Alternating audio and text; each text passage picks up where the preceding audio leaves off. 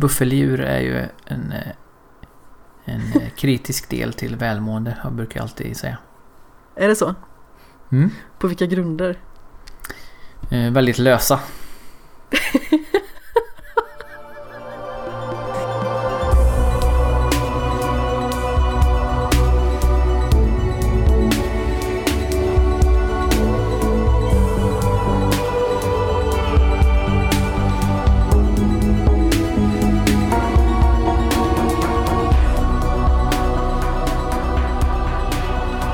Hej och hjärtligt välkomna till den tredje episoden av Skämshögen. Med mig Amanda Sten i sedvanlig ordning och ett jättelångt stenkast bort på andra sidan Västergötland sitter förmodligen Spelsveriges mysigaste person. Välkommen Jesper Englin. Tack så jättemycket. Ja, det, vi är ju inte så långt ifrån varandra. Vi är ju, vad är det, sex mil? Ja, Typ. det är något i den stilen. Jag minns i alla fall hur lång tid det tar ungefär med tåg. Och det brukar ta typ så här 40 minuter eller någonting. Så det är inte alls långt bort faktiskt. Nej, det är nästan som att vi sitter tillsammans och Ja, men poddar. precis. Och ändå ses vi typ aldrig. Vad händer där? Det är skandalöst dåligt faktiskt. Ja, precis. Livet kommer emellan och så Eh, vidare. Bättring eh, 2019, det är ett nytt år och nya Ja möjligheter. men precis. Vi kanske får lägga just det i våra skämshögar. Liksom att vi måste ses mer. Ja, definitivt. Det är ju i toppen av min skämshög. Så Ja, att, ja, men definitivt. vad fint. Men eh, nu tror jag att det är väldigt få som eh, lyssnar på den här podden som aldrig har hört dig prata tidigare. Men vill du berätta lite om dig själv Jesper? Det gör jag så gärna.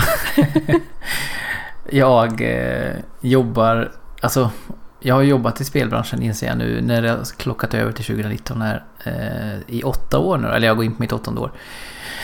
Ehm, och det jag gör mest just nu som är synligt är väl på Aftonbladet tillsammans med eh, Effie Karabuda. Så jag är ju eh, skribent på Aftonbladet Spela helt enkelt. Och sen så jobbar jag ju förstås heltid för Female Legends som är en eh, e-sportförening för kvinnor. Eh, Wikibinära. Ehm, och där jag jobbar som utbildare då i ett projekt som heter Framtidens e-sport.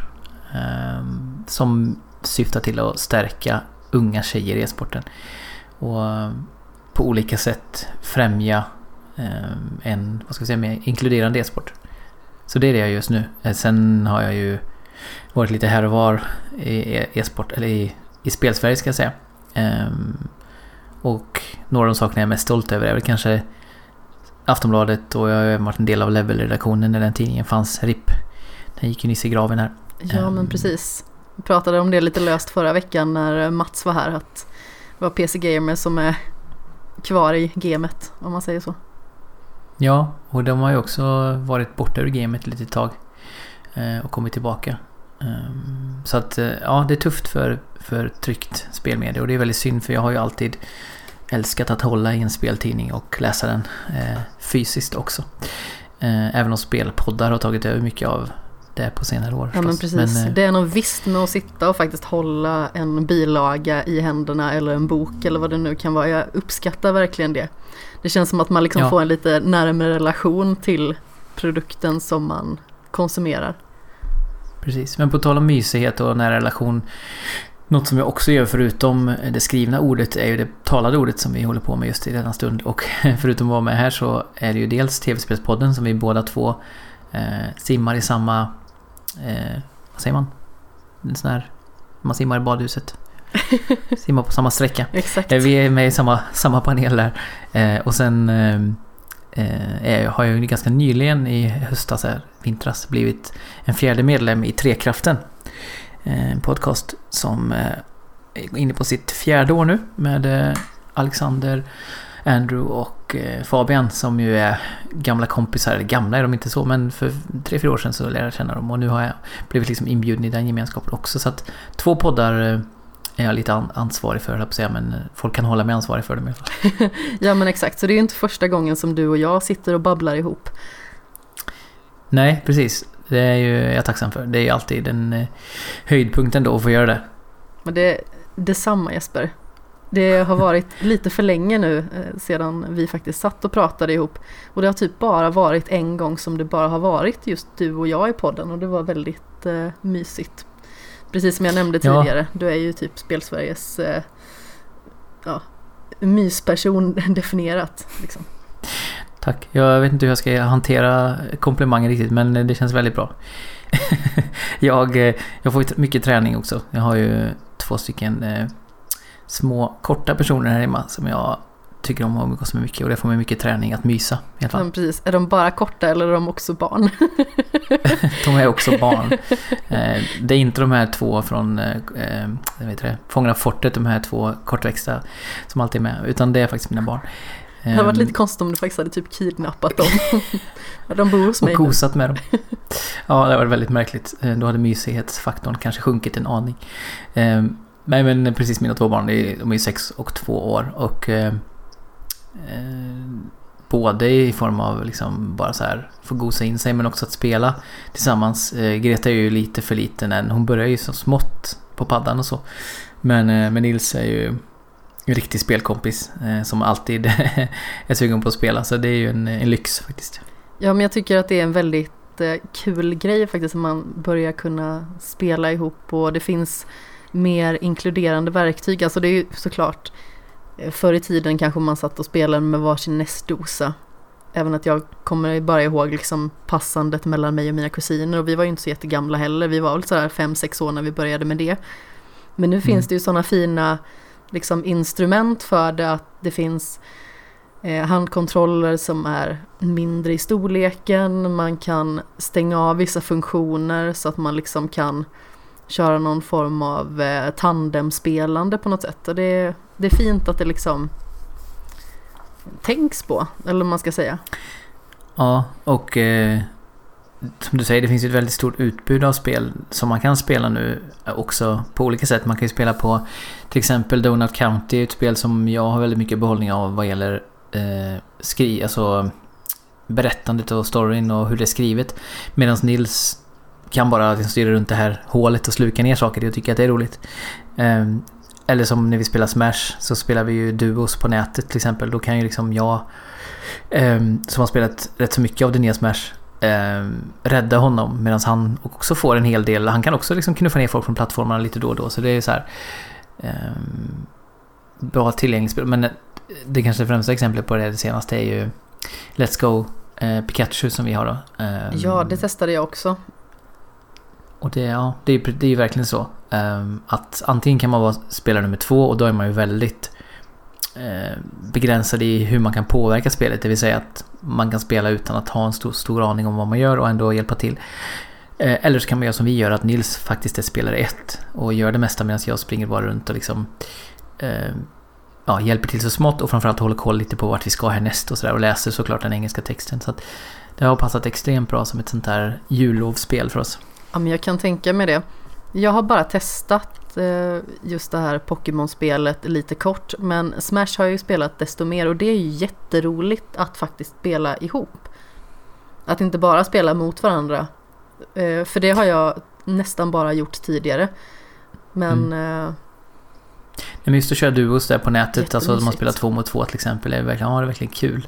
Ehm, och så kan man ju välja då om man vill ha liksom full galenskap med alla föremål och alla arenor eller om man kör lite mer hardcore, eller man ska, vet inte om man ska kalla hardcore, men lite mer e-sport inriktat med eh, platta arenor och inga items och sådär. Och vi har blandat lite jag och Nils. Eh, det på ett sätt är det lättare för honom att inte ha massa föremål. Ehm, men precis, det blir lite så- mer rent då och bara fokus på att liksom lära sig hur man spelar. Precis, och så gärna en karaktär som har typ en lite lång räckvidd eller projektiler så att han kan hålla sig eh, på lite avstånd och kasta saker på folk. Medan jag hoppar runt och liksom försöker att härja. Vilken karaktär Mm. gillar han bäst? Han spelar Simon ganska mycket just för piskans skull. Ah, okej. Eh, han har väl spelat lite Link i olika varianter också just att han har eh, pilbåge och, och eh, bumerang. Men han har nog fastnat för, han tycker det är lite häftigt med det här lite mer vuxna, att det är liksom ett Dracula-spel och så. Eh, tycker han är häftigt. Han får inte spela spel som är över hans åldersgräns normalt sett. I och för sig så är det ganska paradoxalt för, för um, Smash är ju 12-årsgräns på. Ehm, men eh, jag har bedömt ändå för första gången att han får spela ett spel som har 12-årsgräns. Eh, och min, min riktlinje har varit lite konstig för det är så här, Fortnite får han inte, det får han inte spela för det är 12-årsgräns. Och det tjatar jag alla om hela tiden i hans, i liksom hans skola och så.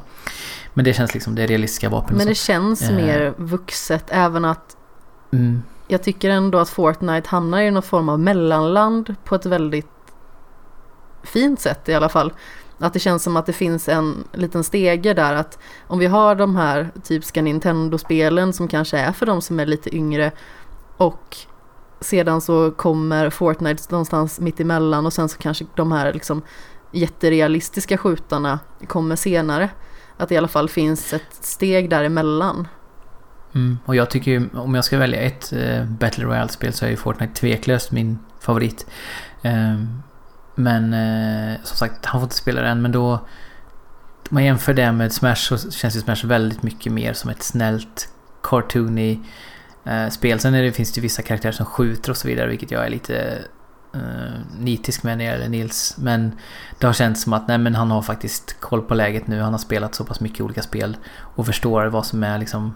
Ja, vi kan prata om liksom att vad som är på riktigt och inte. Och han, jag, liksom först, jag märker på honom att han har ett, ett bra grepp om allting och, och då kände jag mig trygg att han kan spela det. Så att, eh, ja, men eh, Simon och eh, Robin då som jag spelar ehm, är ju en bra duo och ganska jobbig att möta. Står man på varsin sida av kartan och, och bara liksom spammar projektiler så kan det bli rätt jobbigt för motståndaren. Ja men exakt. Jag spelar ju nästan alltid som Marth om jag liksom Mm.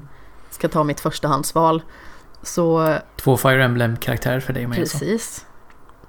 Jag älskar ju Fire Emblem. Men det ska vi ju faktiskt prata om eh, mer sedan. Men jag tänkte komma till det att Ja. det är ju ganska kul där att se vilka som eh, eh, parar ihop. Eller om man ska säga för min spelpartner när vi kör Smash eh, kör ju helst Link.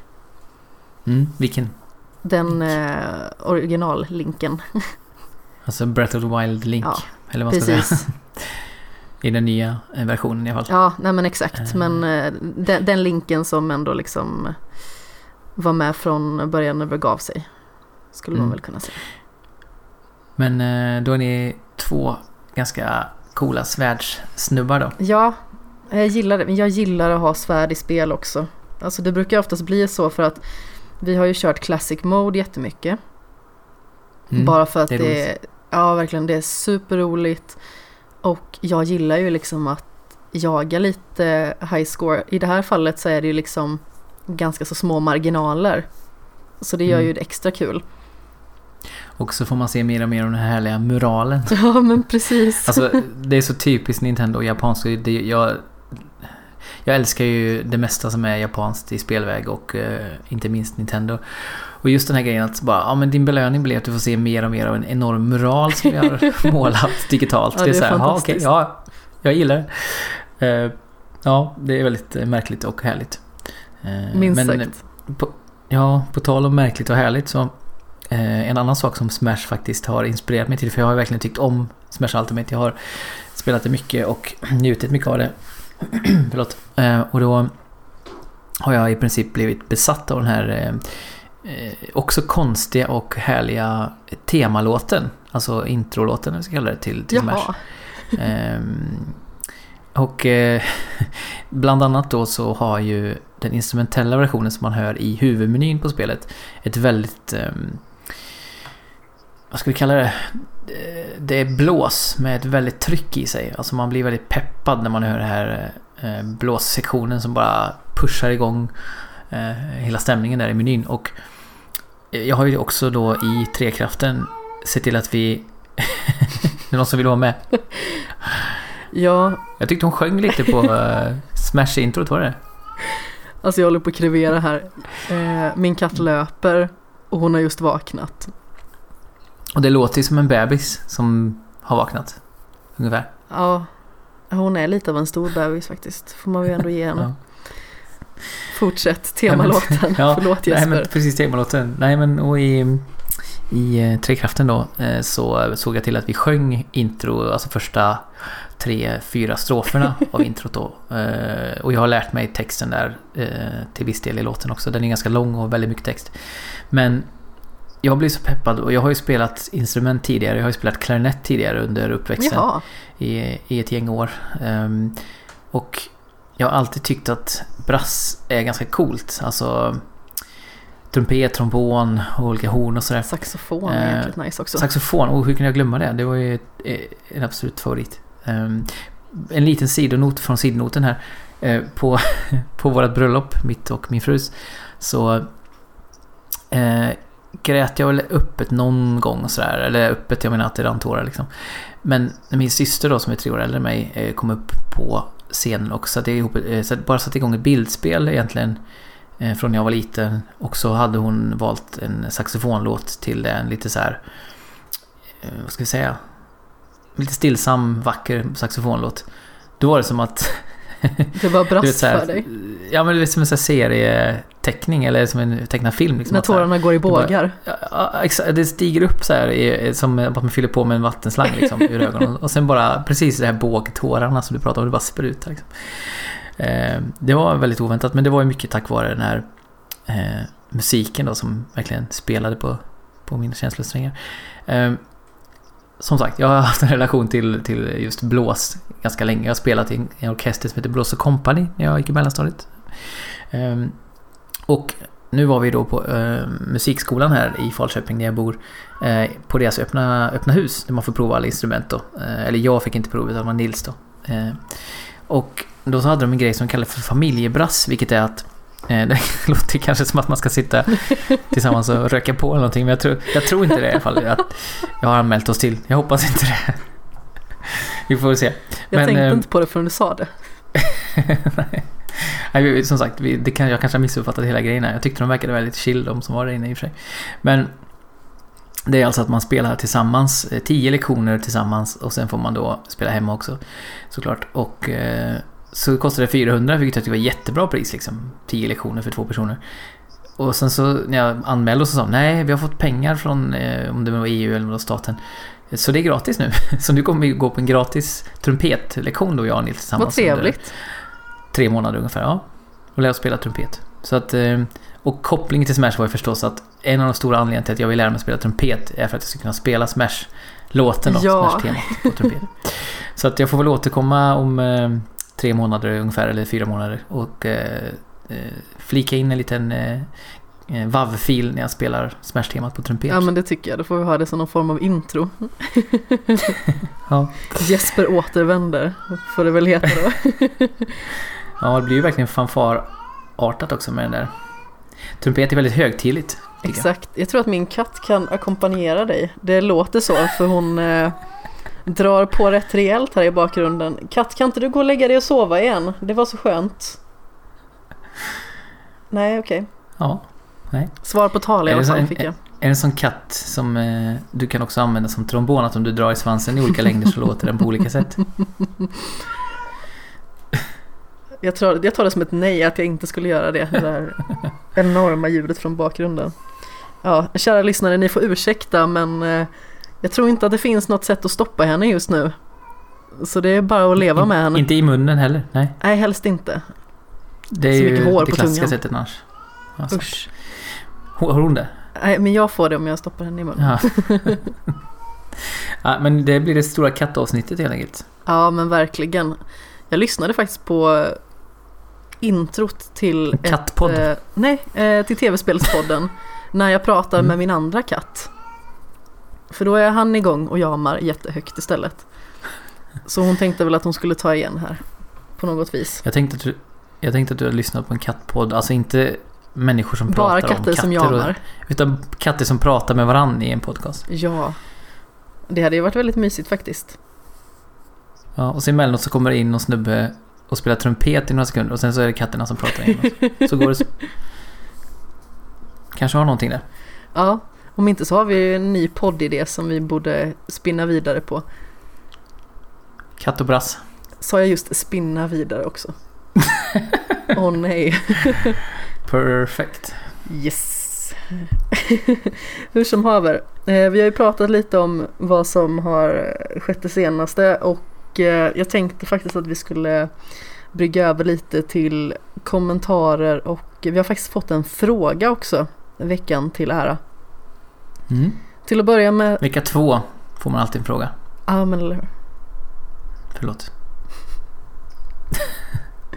Då ska vi se här. Eh, då var det eh, Martin Tillqvist på Twitter som eh, skrev att skämshögen är bra. Och det var ju väldigt kul att höra naturligtvis.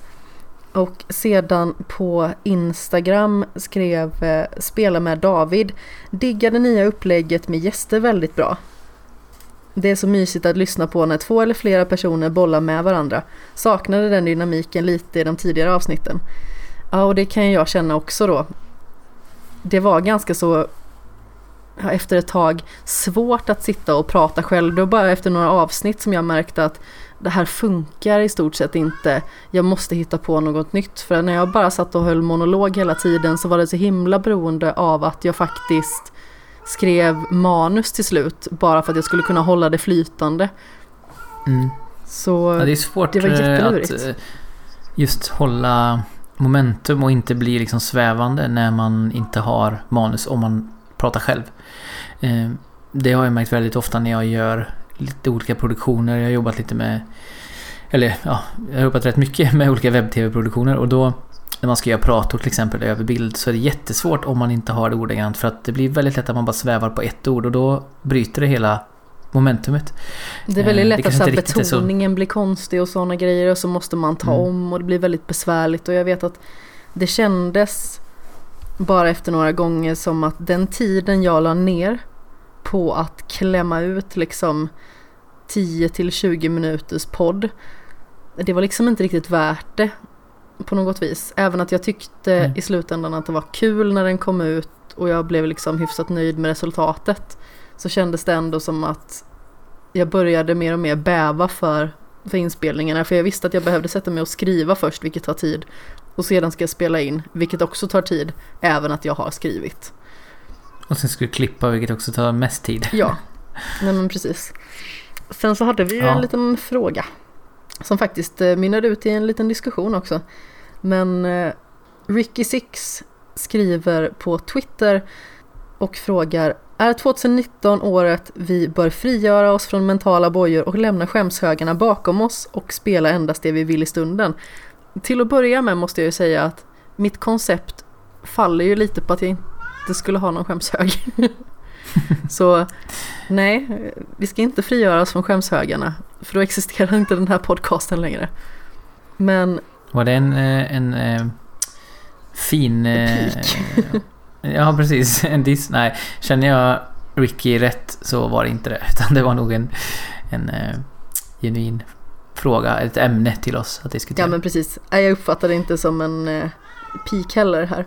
Men eh, det jag framförallt tänkte på är att det mesta som jag har i skämshögen i spelväg vill jag ju verkligen alltså genuint spela. Ta Mass Effect till exempel, som har legat i skämshögen jag vet inte hur länge.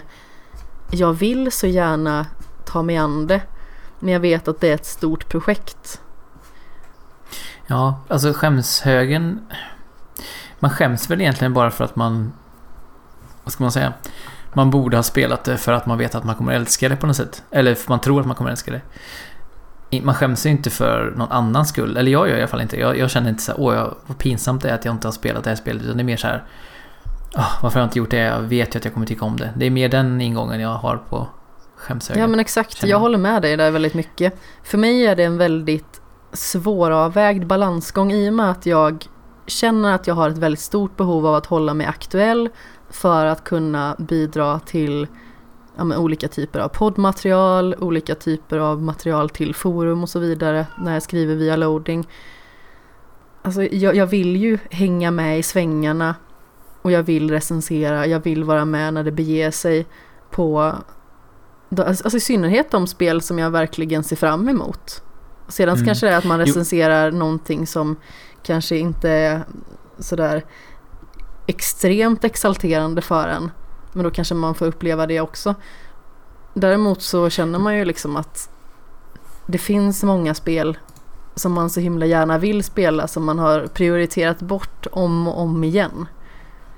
Ja, och jag känner väl också som du det med att det finns ett, ehm, ett stort nöje i att få vara en del av eh, zeitgeisten kring ett spel. Alltså det som sägs och hur man känner kring ett spel kollektivt. För att jag kan ofta känna att om jag spelar ett spel för sent, det kan räcka med liksom några veckor efter eh, ett spel som jag är verkligen är intresserad av, då har man ju gått miste om, alla poddar kommer ju prata om det. Eh, och man kommer få se massa texter och när man inte har spelat spelet så har man inte samma relation till det de pratar om. Så man går lite miste om det här, just det, så känner jag också. Eller nej, jag håller inte med. Eller aha, den där grejen har jag inte tänkt på. Liksom det är så mycket, man får så mycket mervärde kring sitt spelande. Det blir som en stor... Om man själv är liksom eh, i mitten av en cirkel och sen en hel liksom, härlig cirkel av intryck runt omkring också. Eh, som inte bara berör ens eget isolerade spelande. Det, den grejen missar man lite om man inte ligger i hyfsad fas. Um, jag tror att det är extra mycket med spel just på den fronten. Inte lika mycket med alltså, tv-serier och film så. Det kan väl vara förvisso när det kanske ska komma till Oscarsgalan och sådana grejer. Men eh, det känns framförallt när det gäller spel så känns det som att ja. det är så otroligt viktigt att vara med på tåget. Ja, jag eh, tänker väl också när det kommer till Rickys kommentarer. Jag känner väl mest att Ja, för jag håller med. Jag tycker att det här med att typ ha, ha någon riktig skam så att säga kring det Eh, är ju ingen bra idé för att det är ju bara jobbigt om man känner att man borde spela saker fast man inte riktigt har lust. Ehm, då har jag ju faktiskt ändrat mitt sätt att spela lite grann. Dels så har jag ofta haft en idé om jag, jag, jag skulle vilja spela spelet så här. Jag har inte riktigt kul med det. Eh, men jag har bestämt mig för att jag ska spela det på det här sättet så då ska jag göra det. Ett prime exempel är eh, Mass Effect för mig. Jag tycker ju om att spela typiska Ranger-typer, alltså pilbåge, eh, inte så mycket närstrid utan mer lite finessaktigt och så. Jag också. Såvida inte man får svärd. Nej precis, men det har jag märkt att i Mass Effect 1, jag spelade, jag startade det tre eller fyra gånger, kom, in, kom liksom inte vidare eh, förrän jag bytte till eh, så här kötthuvudsoldat 1A i, i liksom eh, min eh, bild. Sen är ju min Shepard ändå liksom en, en underbar karaktär och inte alls så. Men i spelmekaniken för att ta mig vidare i första spelet så gjorde jag så. Eh, och jag har, det blev liksom en nyckel för mig att inse, aha, jag behöver liksom inte uppfylla någon målbild som jag själv har utan jag måste hitta ett sätt att spela som jag njuter av. Jag, jag behöver inte ha någon plikt mot spelet eller mot mig själv. Och samma sak när jag sitter fast i spel. Eh, jag har väldigt svårt att fuska så att säga eh, när jag spelar single play-spel tidigare. För jag tyckte att nej men då förtar jag min glädje och eh, det är inte rätt av mig och då, då upplever jag inte spel som, man, som jag borde och så. Men allt det här borde, det är bara så nej. Nu har jag suttit fast på det här pusslet i...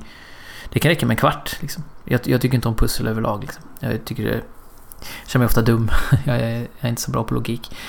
Då kollar jag upp det och sen så kan jag komma förbi och så njuta av spelet istället. Så de sakerna har jag verkligen blivit bättre på med åren. Att absolut inte skämmas för de sakerna. Um, men däremot så har man ju alltid, i alla fall jag har alltid den här ständiga känslan av att Åh, tänk man bara fick två månader, inga måsten, ingenting, man kunde bara sitta och spela det man vill spela. Då skulle man äntligen vara i fas. Liksom. Den här drömmen om um, den där perioden att bara pausa världen. Um, ja, men jag känner jag precis väldigt, samma sak tror man skulle bli väldigt rik eh, om man uppfann en, en, ett verktyg för spelare som kunde pausa tiden. Alla skulle ju vilja nyttja det, känns det som. Ja, definitivt. Jag känner ju nu också, jag eh, köpte ju en Switch häromdagen. Mm, halleluja. Ja, jag gillar den jättemycket redan. Jag har spelat ganska så mycket Smash på den för mig själv. Det var ju faktiskt Smash som sålde in det hela till mig. Men nu har jag ju haft till exempel eh, en PS4 och så har jag haft en Xbox One. Och min Xbox One kommer jag efter att jag har tagit mig an, jag tror att det är tre stycken spel som jag vill spela klart på den. Sen kommer jag faktiskt att sälja den för jag känner att den fyller liksom ingen funktion för mig längre. Sen så kanske det finns så här spel på Xboxen som liksom man kan spela i och med att den är bakåtkompatibel. Men jag känner att det kommer inte göra någonting för mig så då kan jag ju lika gärna göra mig av med den. Playstation 4 spelar jag ju väldigt mycket på och jag tror att switchen kommer fylla ett hål som ingen av de konsolerna kan liksom bidra med på något vis. Nej, precis. Den är ju väldigt eh, specifik och nischad får man ju säga och den, den simmar ju inte i samma eh, sim-lane som de andra. eh, men jag har faktiskt sålt min SNES Mini eh, av lite liknande orsaker. Att jag, så här, ja, men jag har velat ha den typ bara för att det är härligt att ha den. Men jag spelar aldrig på den. Det är bättre att någon annan som faktiskt vill göra det, får göra det. Um, och eh, jag märker att jag, switchen har ju blivit min go-to-konsol på så många vis. För att det finns så otroligt mycket bra spel. Eh, första partsspel men framförallt indiespel. Eh, och det är liksom den optimala konsolen att spela saker på. Bara som en sån sak som att eh, Olli Olli samling kommer ut nu här i eh, någon gång eh, i januari eller februari. Um, och då kände jag också, jag har spelat både Olli Olli-spelen, det är ju skatespel på PS4. Men jag känner ändå så att, ja, ah, den passar klockrent för, för um, switchen. Så att det är nästan som att det är liksom, den förhöjer spelen bara genom att vara eh, en maskin som är så mångsidig. Vilket jag älskar. Ja men den känns ju så himla lätt att hantera på något vis. Jag tycker att det är jätteskönt att det faktiskt finns en konsol som man kan sitta och spela hemma i sin soffa och sedan ska man iväg någonstans och så kan man ta med sig den och fortsätta. Ja, eh, så här, vad är det nu? Två år in i konsol... Eller tredje året nu. Går vi in på. Ja, tredje året nu på konsolens livscykel så känner jag fortfarande ibland att så här. Äh, det här är ju för bra liksom. Jag kan sitta och spela ett AAA-spel på tvn eller eh, i handhållet och sen bara tar jag med mig den ut. Liksom inga, inga hakar, ingenting. Det är bara att köra på liksom. Förutom batteriet då. Men är man på resa typ med tåg som jag ofta är så har man ju ändå alltid ett uttag. Så att det har inte varit en issue för mig någon gång faktiskt heller, strömmen. Um, jag vet inte riktigt, vi började prata om skämshögar och landade i Nintendo Switch ja. Eh, bärbarhet. Precis. Nej men det är väl kanske lite så att switchen har legat lite i min skämshög. För jag har ju kollat lite på den varit lite osäker på om jag faktiskt ska skaffa en. Men sedan så sålde jag verkligen Smash in mig så totalt och därtill så finns det lite spel som jag faktiskt vill ta mig an som jag inte kommer kunna konsumera på något annat sätt i och med att 3DSen dör ut till exempel. Och då har man ju inte mm. sådana titlar, titlar som eh, Fire Emblem till exempel längre. Men... Och det, det dubbla härliga där blir ju att du får ju liksom de spelen fast i storkonsolsformat på något sätt.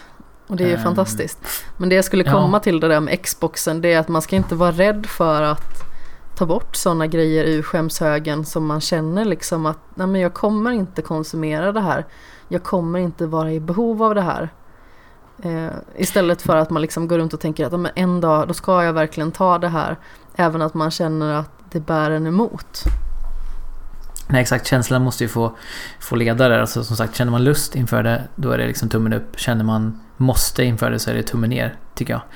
Eh, det är lite som Metal Gear-spelen för mig. Jag spelade ju remaken på... Eh, eh, remaken på ettan, alltså Twin Snakes till GameCube mm.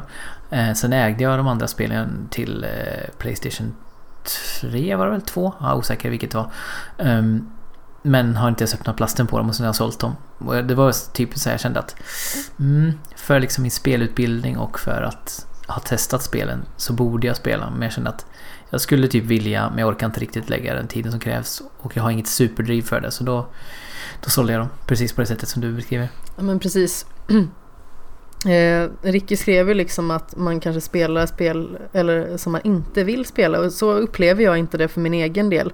Däremot kan jag känna ibland att det dyker upp spel i min skämshög som jag behöver liksom omvärdera för mig själv. Att är det här verkligen någonting som jag kommer ta mig an? Alltså eh, det här Assassin's Creed Or uh, Origins, eller på att säga Odyssey, bara för att det var det senaste. Men mm. det hade jag till min Xbox One, men det sålde jag faktiskt häromdagen bara för att jag kände att det här kommer jag aldrig ta mig an. Jag har påbörjat det, jag trivdes inte med spelformen, jag måste gå vidare.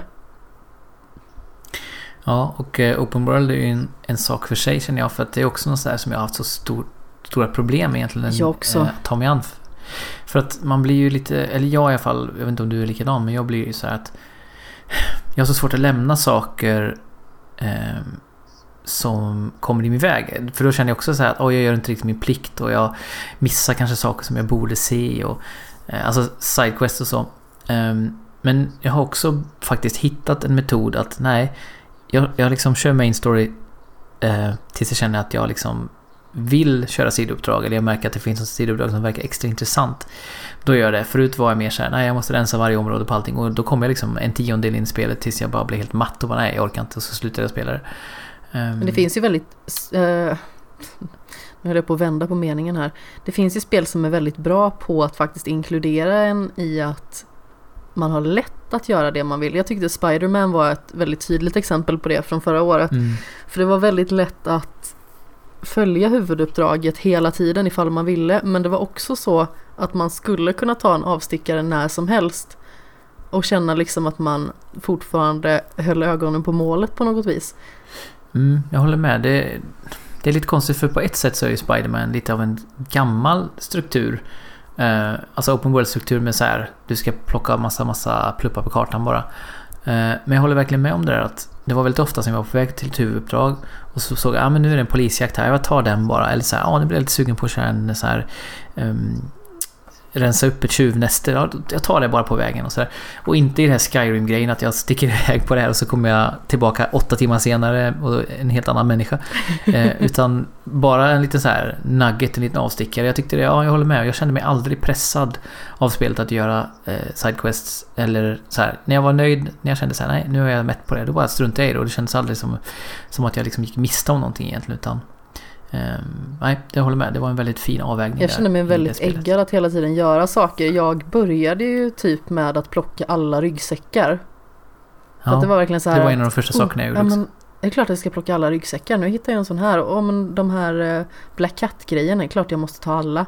De här forskningsstationerna, ja men det är klart att jag ska ta alla med dem. Då fortsätter jag liksom med det. Men problemet för mig var ju att det kändes som att Spiderman aldrig tog slut. För när jag var uppe i typ 75% eller någonting, då var jag ju en bit från att bli klar med spelet fortfarande. Mm. Ja, det är det som är risken att så gjorde jag Red Dead 1. Jag körde bara massa så här, red runt och härjade med, med folk jag kände och sådär. Eh, och sen så märkte jag till slut att nej, nu har jag inte så stor lust att spela spelet så jag spelar nästan ingenting i storyn och, och nu är jag helt ointresserad av Red Dead 2 också. Så att det är en fara i det där. Men så jag tyckte aldrig jag tyckte... att Spiderman blev tråkigt på något vis att spela däremot. Nej. Nej, och det som jag tycker eh, så här med sidouppdragen är att mycket av mekaniken blir lite gammal efter ett tag. Men det som man får ut av sidouppdragen, eh, dels svingandet men också mycket av berättelserna man får. Till exempel när man gör de här forskningsuppdragen. Eh, när man får då Harrys små dialoger som han har spelat in vid de här olika stationerna. Eh, det var liksom mysigt som att få umgås med honom lite grann fast man visste att han var var i Europa inom citationstecken. Ja, verkligen eh. inom jättestora citationstecken. ja, jag vet inte, ska vi hålla oss från spoilers eller? Vad gäller Spiderman? Oh, jag vet inte. Ja, men du, om du känner så så gör vi det. Eh, det är inte jätteviktigt. Jag tänkte bara säga att även de här uppdragen med duvorna var ju så här, jag vet inte, det var kanske inte så jättespännande egentligen, men de, de små dialogerna mellan den här eh, uteliggaren då, får man väl säga att han var, och, och eh, Peter Parker eller Spiderman var ju också så fina liksom. Så man fick ändå någonting utav av själva uppdragen som var mer än bara lite stats-uppgraderingar eller så. Ja men definitivt. Um, ja, nej precis. Man får hitta sina strategier för att inte känna måsten när man spelar på olika sätt. För måste är ingen bra känsla utan lust, det känner jag i alla fall. Det är min drivkraft. Att känner jag lust, det är rätt riktning. Känner jag eh, tvång, då är det liksom motsatt riktning. Ungefär som du berättade här med, med podden eh, också. Då får man förändra det på något sätt så att man känner lust istället. Ja, och nu känner jag liksom att det är mycket roligare och framförallt att jag får prata med massa trevligt folk. Som jag dessutom liksom så här, det blir ju lite att jag handplockar folk hela tiden och så kan man prata om vissa specifika ämnen och man vet ju liksom hur de olika avsnitten kanske lite grann kommer se ut ut efter vem man pratar med. Ta Tobbe som var här första veckan. Jag visste ju att det skulle bli ett väldigt långt avsnitt. För vi har ju en tendens att sitta uppe sent om nätterna när vi umgås och prata alltså i flera timmar i sträck och sen helt plötsligt så säger vi så här att oj, ja men nu är klockan tre. Ja, nej, vi ska nog gå och lägga oss. Och sen så pratar vi tre timmar till. det är fint det där när man känner med vänner att man aldrig får slut på samtalsämne utan bara slut på tid. Ja. Eh, det har jag också flera, alltså Lilly till exempel som vi poddar med i i TV-spelspodden och som ju är faktiskt min, min kollega också som jobbar med varje dag. Vi är ju så när vi väl får tid utanför jobbet eller liksom kring jobb men som inte är jobb. Då kan vi prata hur länge som helst och så känner vi alltid så här Ja, just det. Som Var du det sa. slut nu? nu? Är liksom, ja, precis. Ja, Okej, ja, ja. Och så får man liksom aldrig känna att man tömmer ut allt man har att säga. Vilket ju som sagt är härligt. Det betyder att man har väldigt mycket att säga varandra. Så det är fint. Ja men absolut. Jag uppskattar det väldigt mycket också för det är väldigt sällan jag har personer i mitt liv som jag hela tiden känner att jag har väldigt lätt att umgås med. I och med att jag är så introvert som jag är så tycker jag att det kan vara väldigt trevligt att umgås. Men jag märker också liksom hur trött jag blir. Mm. Men jag tror att väldigt många introverta som har en introvert vän som jag har i Tobias då till exempel här, eh, eller Tobbe kanske lättare att säga. Eh, Tobbe Fix. Precis. Eh, Mm. det gör ju liksom att, jag vet inte, vi tar inte varandras energi på samma sätt. Nej. Jag förstår. Och det är intressant för jag känner ju flera personer som är som du. ehm, det vill säga att man upplever personen som väldigt extrovert. Alltså en person tycker om att prata. Eller tycker om att liksom visa upp eh, sin vardag i sociala medier och vad som helst. Men det är så lätt att tänka då att så här, just det, en extrovert person är så här. Eller snarare en introvert person är på ett speciellt sätt. Och så tror man att ja, det här är ett tecken på att man inte är introvert. Men att det inte alls är det. Utan det finns liksom en annan sida av det som är som du säger, man blir väldigt matt av mycket social kontakt till exempel. Och, och så. Men det är ju så fint att man kan hitta sätt då eh, att få det bästa av båda världar. Man kan liksom få den sociala kontakt man behöver. Men också få former som man kan dela med sig av det man vill säga eller göra som inte är eh, så himla krävande för en själv. Som inte äter upp en liksom, utan att energin finns kvar ändå. Ehm, Precis. typ som ja, men, som att podda eller som att teckna som du gör. Mm. Eller, det finns ju många. Men podda är ett väldigt bra sätt för mig att faktiskt umgås med folk också i och med att det tar inte samma energi för man sitter inte i samma rum. Man är inte liksom i behov av att alltså, göra sig till på något sätt. Jag menar jag sitter ju Nej. liksom med en sån här handduksturban på huvudet. Jag sitter utan byxor och liksom med en jättestor tröja på mig bara. Jag behöver liksom inte känna att jag behöver göra mig till på något vis bara för att man ska umgås eller sådär. Och jag sitter liksom i hemmets trygga vrå och liksom dricker lite Pepsi Max så som jag brukar göra. Precis, ja, det är den perfekta medelvägen. Du får liksom Du får det på ditt sätt men du kan ändå dela det med någon annan på ett ganska eh, Vad ska man säga? Eh, inte så påträngande vis utan det är liksom precis lagom Lite mer mängd anspråkslöst. närhet. Mm. Ja, det låter som... Alltså just det där som sagt att hitta sina sätt att eh, eh, vara och göra som, eh, som gör att man mår bra. Eh, det är ju verkligen viktigt och det är svårt. Det är svårt liksom. Man lär ju sig mer och mer varje år som går och för, ju mer man liksom tittar inåt och funderar på hur mår jag av det här? Liksom, vad är det som gör mig glad? Vad är det som gör mig avslappnad? Vad är, vad är det som gör mig trött? Så märker man ju det. Jag har ju en sån sak att att liksom få kvalitets, kvalitetstid med familjen ger ju väldigt mycket energi Mm. till exempel. Och det har ju växt sig väldigt mycket år för år och just det här behovet att bara få vara vi. Inte, få, inte vara i det stora sammanhanget typ med massa annan släkt eller så. Det är också härligt, till exempel nu i jul. Men då kan man ha, ha en, en period av det och sen får man också en period där man är själv. Alltså själv i, som i familj då. Um, där man bara, precis på samma sätt, man kan bara kasta sig i soffan, alla kan ha underkläder på sig, man kan spela tv-spel i fem timmar i sträck och man behöver inte bry sig liksom. Um, det, ja, det är viktigt att liksom pinpointa de där sakerna som gör att man får energi och inte bara ger energi för det är väldigt lätt att göra det. Exakt. Om det sitter någon som är väldigt extrovert som kanske har lite förståelse för introverta. Nu vill jag liksom inte eh, sätta någon på pottkanten eller låta otrevlig på något vis men eh, jag vet att det kan uppfattas som liksom väldigt eh, kanske inte drygt men liksom väldigt så här svårförståeligt att man blir så otroligt trött av att vara med människor. Att många liksom uppfattar det som att man liksom tar avstånd till människor, att man inte vill vara social och sådär. Men så är det verkligen inte. Det är bara det att energin kommer liksom inte in till en när man interagerar med människor utan den kommer när man är själv. Och det är inte Mm. någonting som man kan välja på något vis. Det är väldigt få människor som faktiskt har förståelse för det. Så det kan vara Och det är jättesvårt. intressant. Ja, det är intressant. Min förra kollega Mattias som jag tycker mycket om och umgicks med konstant då när vi jobbade tillsammans. Eh, han är ju eh, introvert men uppfattas på samma sätt som jag uppfattar dig. Alltså det vill säga, bara om jag skulle bara liksom så här ytligt träffas och känna varandra så skulle jag tro ja men den här personen är snarare extrovert. Liksom. För det är så mycket så här, det är mycket kreativitet, mycket positiv energi och mycket så här. Det händer mycket. Men vi, när vi var på läger tillsammans, alltså vi jobbade på läger för ungdomar, så märker man att han blir dränerad för varje timme som går för att det är så otroligt mycket social kontakt hela Precis. tiden med alla de här ungdomarna. Man märker liksom Medans att jag- humöret börjar ändras lite grann, att man börjar hålla sig undan lite och sådana grejer. Precis. Och medan jag då, det var liksom som så här. Det var som att vi på något sätt så här, jag två ballonger så här, den ena ballongen har luft i sig och så blåser man in luften i den andra ballongen. Ja men Så exakt. att jag fick liksom mer och mer luft hela tiden medan han krympte hela tiden. Men då kunde vi göra så att han fick göra så här logistikarbete som var bakom så att säga och så kunde jag vara den som eh, umgicks och liksom hade de rollerna med kidsen som hade mer social eh, kontakt så. Alltså till exempel om vi hade en övning så ledde jag den och så kunde Mattias typ sköta som sagt det praktiska runt omkring det istället. Eh, så att vi hittade våra roller tillsammans på ett fint sätt. Och vet man med sig liksom vilken typ av person det är, det kan ju vara att man inte är något av dem, att man faktiskt liksom är ambivert, att man liksom är Mm. ett mellanläge. Men vet man med sig vilken typ av person man är så kan man jobba väldigt mycket utifrån det. Jag har ju precis fått ett nytt jobb på avdelningen, jag jobbar på ekonomiavdelningen och eh, ska börja jobba på leverantörsreskontra. Och där är Mm. det ju faktiskt några personer jag behöver liksom synkronisera med.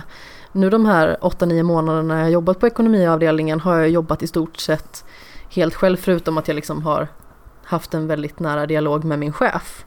Men jag sitter liksom och jobbar hela tiden själv. Jag sitter oftast i mörkret, jag sitter och lyssnar på saker för mig själv. Jag behöver inte interagera så mycket med folk förutom när jag kanske skickar ut mail till eh, Eh, de som är platsansvariga och sådana grejer. Men eh, nu när jag ska börja där då kommer jag förmodligen göra så att jag jobbar eh, varannan dag med liksom kontering och den typen av grejer och när jag faktiskt behöver interagera med eh, de närmaste kollegor jag faktiskt kommer ha då och sen varannan dag kör jag analyserna där jag kommer sitta och jobba själv. Och det är ju liksom, jag tror att det är ett bra recept för att liksom Mm. kunna hålla mig flytande på något vis. Ja, precis. Det är bra att kunna som sagt få energi, inflöde och utflöde lite jämnt. Jag, jag, har, haft, jag har jobbat hemma nu fyra dagar i veckan eh, i det här projektet och en dag i veckan i Stockholm med kollegorna. Eh, och det har ju varit härligt på många sätt såklart. Men det har också varit lite jobbigt därför att just det som du säger, fast tvärtom för mig. Det vill säga att jag har haft mycket tid hemma. Eh, jag, jag får delvis energi av det, men jag får mest energi när jag får vara med kollegorna också. Men nu kommer det bli lite annat för nu kommer vi jobba ifrån Göteborg tre, tre dagar i veckan. Så då kommer jag vara tre dagar i veckan på jobbet med kollegor, två dagar i veckan hemma och jobba hemifrån. Så det kommer nog vara liksom ett perfekt, just som du säger också, ett bra, en bra balans däremellan. Eh, så att eh, det ser jag fram emot. Ja men vad fint. Då har vi båda lite spännande grejer på gång då. Med andra ord. Ja, det låter bra. 2019 är eh, vårt år.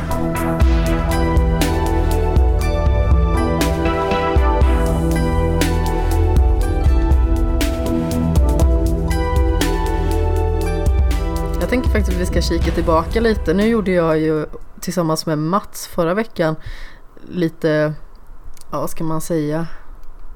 Summering av Summering året. av året, lite, lite goti, lite foti eller vad man ska säga. Eh, det låter lite roligt. Toti kanske Ja, också. precis. TVC. Eh, och då gjorde vi ganska så omfattande med lite liksom fler olika typer av placeringar. Men om du får liksom nämna en i varje kategori, alltså ett spel, en film och en serie från förra året som du verkligen tyckte om. Vilka skulle det vara? Ja, till allas chock som följer mig på Twitter eller eh, på något sätt har lyssnat eh, på mig det senaste året så, så är ju Celeste spelet som har eh, varit överlägset Hurra! på, min, på min lista. Och jag vet ju att du håller med mig in i märgen i Ja, detta.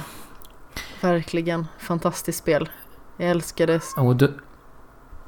Ja, förlåt. Sorry. Nej, jag var nog klar där. Jag älskar det. Det är ganska bra slut på det sättet. Men ehm, du har spelat på PS4 va? Ja, men precis. Frågan är om du inte ska nagga lite och testa på Switch-versionen också. Ja, vi får se. Jag ska ta mig an eh, Det- först, hade jag tänkt. Ja, det är, ett ganska, det är ju ett ganska krävande spel också, i, framförallt på slutet så Celeste, så att eh, jag vet inte om man kanske orkar plocka upp det igen när man har klarat av det en gång. Men, nej men, jag har ju pratat om det här till, till döddagar, alltså jag har ju pratat om det på alla sätt och i väldigt länge. Men på något sätt så har jag nästan... Alltså väldigt få gånger har jag spelat ett spel som så eh, genomgripande känns klockrent på alla sätt och vis. Det kommer liksom upp på nivåer för mig som Ocarina of Time, Breath of the Wild. Eh, Jag kan inte komma på något dåligt med det. nej, ex- exakt så sa vi också när vi pratade om det i T-kraften att det finns ingenting dåligt med spelet. Jag kan inte komma på en enda sak. Ehm, och jag har ändå tänkt väldigt mycket på det här spelet. Jag också. Ehm, och det, ja, det är väl också talande att både du och jag som kanske har lite så här, vad ska man säga, ja men har Alltså vissa människor har ju turen att ha ett liv som är väldigt så här, framförallt under uppväxten kanske, ha ett liv som är bara så här, ja men det är bekymmersfritt. Det rullar på liksom. Eh, Medan du och jag kanske också har personligheter som funderar mycket och så här, ja, men har mycket eh, eh, att hantera i våra huvuden och hjärtan. på något sätt. Ja men exakt. Och, och, och då är ju Celeste en sån otrolig, otroligt fin metafor för den sortens kamp, eller vad man ska säga. Det kanske låter för storvulet, men alltså... Om att kämpa med hur man mår helt enkelt. Ja, jag, jag kan bara Eh. instämma. Jag har sagt så mycket om det här spelet så det känns som att jag vill bara lyssna på dig. Ja, och lyssna är ju också en annan faktor. Liksom. Jag har ju lyssnat på spelsoundtracket konstant under det här året. Eh, Och Lena Rain då, som har skrivit det. eh, Har jag ju, henne har jag interagerat med lite på Twitter och så här. Och hon fick ju även presentera en av kategorierna på eh, vad heter den? Tequilis, alltså eh, vad heter den? Game Awards. Eh, och jag var så glad för hennes skull för hon är så otroligt talangfull och Ja, nej det få spelare som har fått mig känna så stor kärlek till eh, till allting kring det. Eh, och eh, ja, jag kan bara jag bara längtar efter det att Matt Makes Games gör ett spel till men de är inte så många så det tar ju ganska lång tid förmodligen innan de släpper någonting nytt. Ja men precis.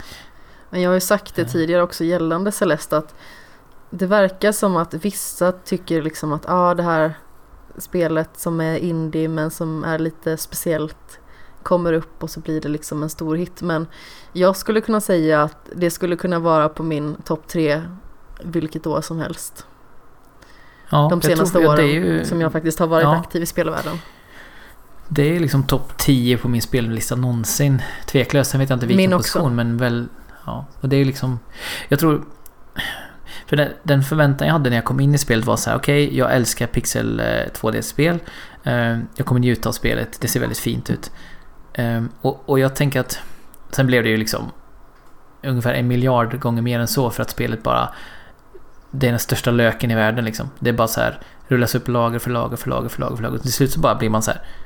Va, vad är Man det här? börjar liksom? gråta av Det är ju- löken också. Ja, exakt. Hela tiden. Ja, men det är liksom så här... Det nästan bänder fysikens lagar för vad det borde kunna vara. Det blir bara större och större och större. Sen till slut så bara, nej, nu kan det inte bli större. Men ändå fortsätter det växa på något sätt.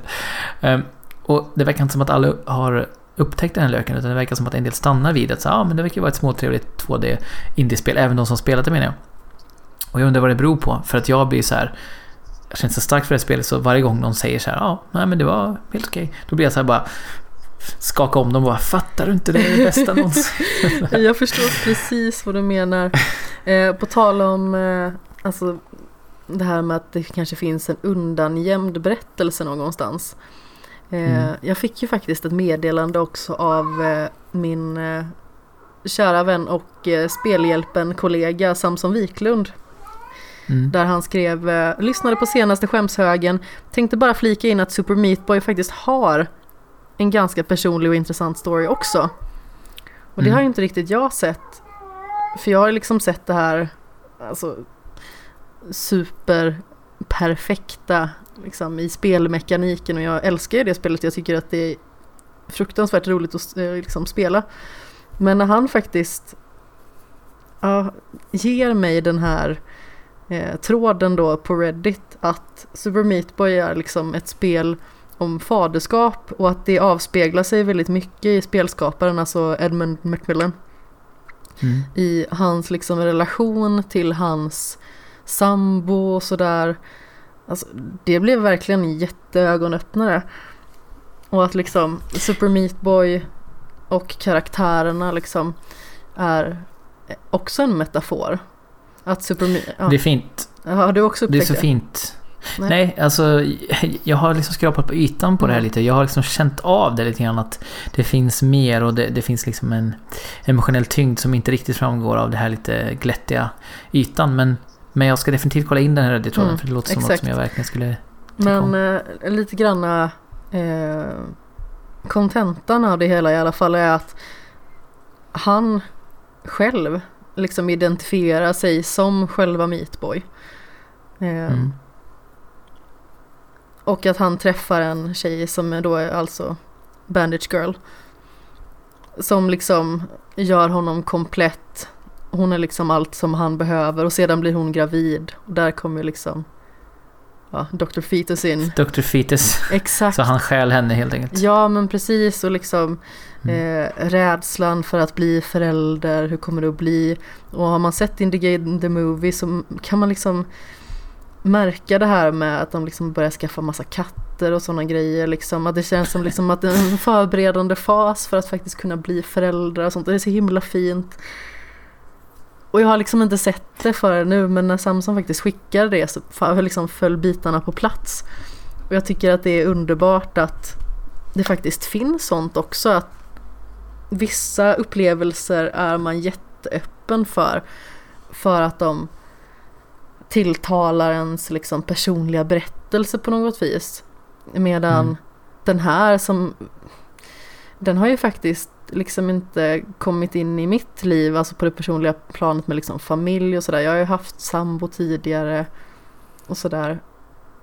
Och jag har liksom inte varit i ett stadie där någonsin vill ha barn.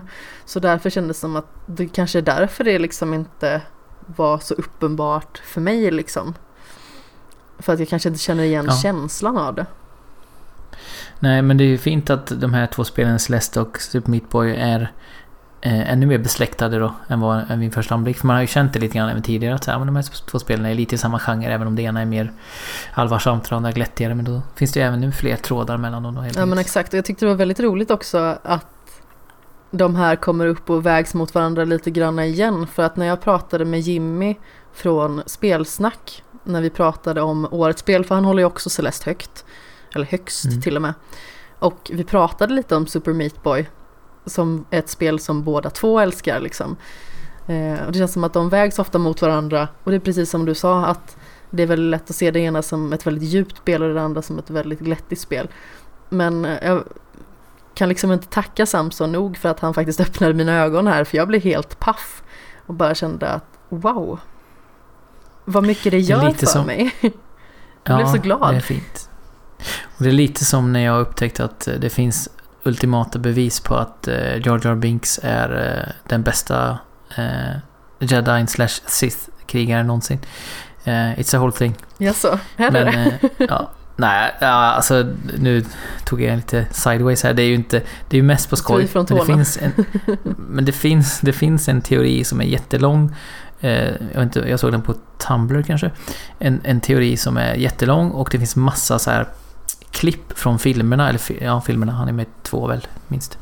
Eh, där de verkligen bevisar att så här, kolla, Jar hade koll, han bara fejkade bara att han eh, inte, att han så här flummar runt utan han har stenkoll. Och han är den som drar i trådarna. Jag tror att, just det, poängen är att han är väldigt ond, att han är en väldigt ond Sith.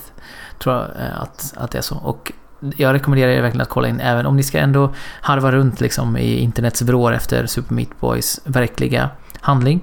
Så kan ni också eh, passa på att ta en liten lättsam stund och kolla då på Jar Jar Binks verkliga jag, eh, som är fascinerande. Ja, eh, det är nästan bud på om man ska göra det faktiskt. Men först så ska du och jag ju kolla in lite. Hade du en film och en serie också? Ja, Vi- förlåt. Vi spårar ju på Celeste såklart. Det är liksom så här, du ger ett litet garnnystan till oss båda som vi sitter så här och bara bollar fram och tillbaka och så börjar vi jaga alla trådar och så ballar det ur. Precis, det är det stora kattavsnittet trots allt. Ja, Eh, ja, nej men vi har ju pratat om eh, den här gode blåa röda eh, spindelkompisen. ja. Den vänlige Kvartersspindeln. Och det är ju faktiskt en av mina absoluta favoriter från när jag växte upp. Jag tyckte att hela Peter Parker-biten med att han är sårbar, att eh, han älskar sin eh, faster.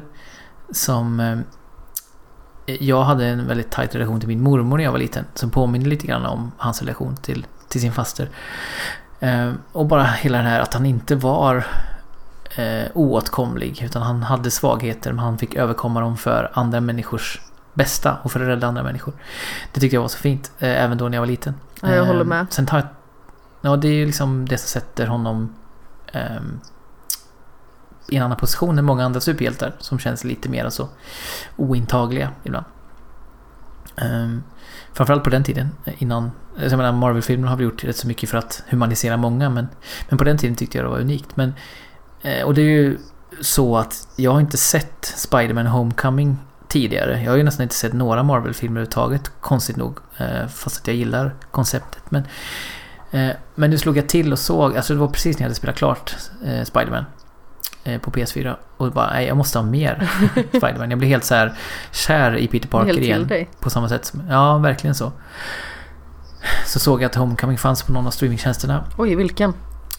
Eh, jag vet faktiskt inte, jag blandar alltid ihop dem för jag har båda och båda är röda. Både Netflix och, och, och Viaplay. Ah, okej. Okay. Eh, Fasen, det är nog Viaplay då. Typiskt. Mm, säkert, Den ligger i min skämshög, Homecoming.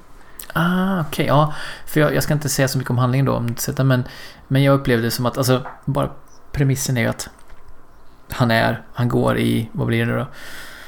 Um, är det high school eller är det college han går i? Första året på college är det nog han går kanske. Han är i alla fall ung. Precis. Han, han är ju inte Spiderman ännu. Eh, utan han blir det genom att han eh, blir rekryterad av Tony Stark, alltså Iron Man. Eh, och Som ger honom en dräkt och har sig också. Ja, precis. Och hela filmen inleds ju med att han filmar med en selfie-cam när han så här, tränar hos Iron Man med liksom ja, Captain America och lite andra. Och han är så här han är ju så otroligt valpig liksom. Det är det som hela filmen handlar om också. Um, jättefin, jag blev verkligen varm i hela hjärtat och det är mycket så här referenshumor och mycket så här tonen av YouTube i mångt och mycket liksom. Man märker att tajmingen sitter där från, från uh, nutida liksom, humor och så. Så att, ja, den var jättefin. Jag tittar ju nästan inte på film uh, överhuvudtaget faktiskt. Jag uh, har sällan motivation att sitta still så länge och titta på ah, någonting. Okay, jag spelar jag nästan alltid hellre Ehm, jag vet att du är en filmslukare av rang.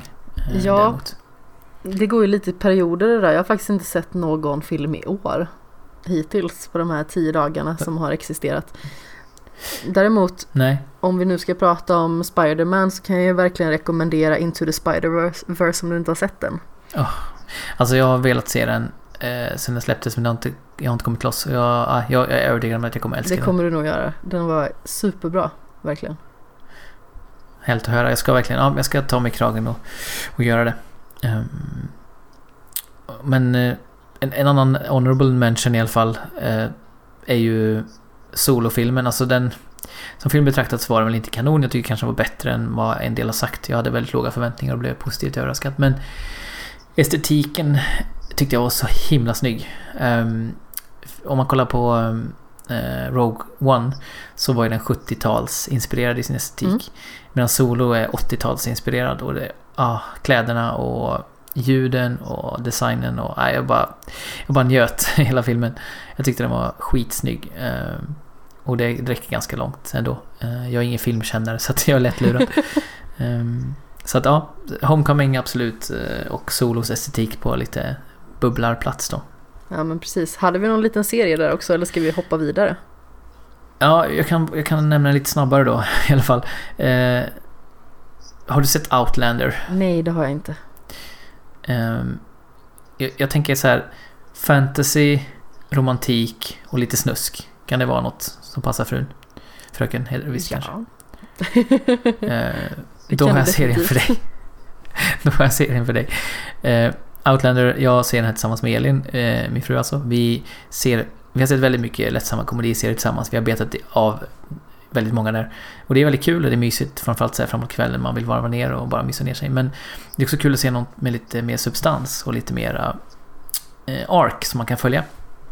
Och då har vi sett Game of Thrones, vilket förvånar mig att Elin har velat se, men hon har fastnat för karaktären och världen och så. Och så såg vi då eh, Outlander, att det skulle börja, och det var många som pratade om det och att det är så mycket romantik och sex i den.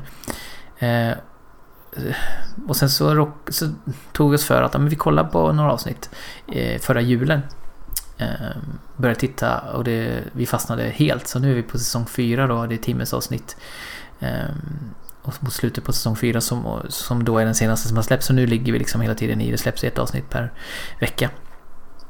Eh, och det som är härligt med den här serien är att den är någon slags Game of Thrones light. Eh, den, den utspelar sig ju i ett forntida och nutida Skottland. Eh, bland annat. Och det är liksom mycket karaktärer, mycket romantik, mycket sex, en del våld. Jag har inte så mycket till övers för våld men, men actionscener och så. Eh, och den är berättad ur en kvinnlig protagonists eh, röst. Okej. Okay. Eh, vilket gör att flera av mina killkompisar är så här, ja ah, jag kollar på den lite grann, jag tycker den är för tjejig, vilket så här, va? Vad menar du ens? För tjejig? Jag blir provocerad, jag blir provocerad av det. Eh, men det de menar är nog att de är ovana vid eh, den typen av detaljer som serien uppehåller sig vid och hur den pratar om saker och ting. Ja, och det älskar jag. Alltså det är lite unikt för den här typen av serie att det inte är ur ett manligt öga utan ett kvinnligt öga. Ehm, och det, det återspeglas även i, i de så här, eh, romantiska scenerna. Hur de beskriver sex till exempel. Ehm, det är liksom fint och, och innerligt på ett sätt som jag inte har sett riktigt förut. Ehm, och sen är det ju väldigt, det är väldigt mörkt också många gånger. Men eh, ja, jag kan uh, rekommendera Outlander. En, sen har jag på senare tid varit kritisk mot hur vissa karaktärer behandlas så det kan vara lite småklumpigt emellanåt men okay. till stor del verkligen eh, sevärt och så här, eh, vad säger man, page turner, det händer hela tiden spännande vändningar som man vill följa. Ja men vad fint. Då lägger jag den i skämshögen. Mm, do it. Den behöver bli lite större. Ja, eller hur. Men eh, nu har vi ju kollat igenom lite grann från förra året och vi ska ju faktiskt blicka framåt lite mer, hade jag tänkt. Mm. Ja, vi har väl pratat i ungefär 20 minuter nu, eller? Ja, vi har kanske pratat i en timme och 20 minuter nästan. Mm. Ja, det ja, går fort när man nej, har roligt, eh, Jesper. Ja, det är vad jag alltid säger.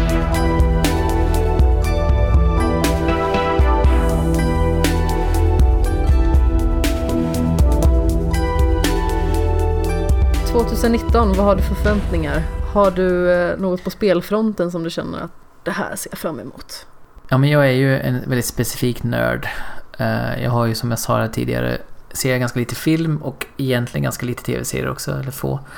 Eh, så spelar ju det jag liksom tänker på först och främst och då är det ju egentligen ganska många spel som inte har något releasedatum än, men som har 2019 som, som datum i alla fall, eller som förväntat släpp.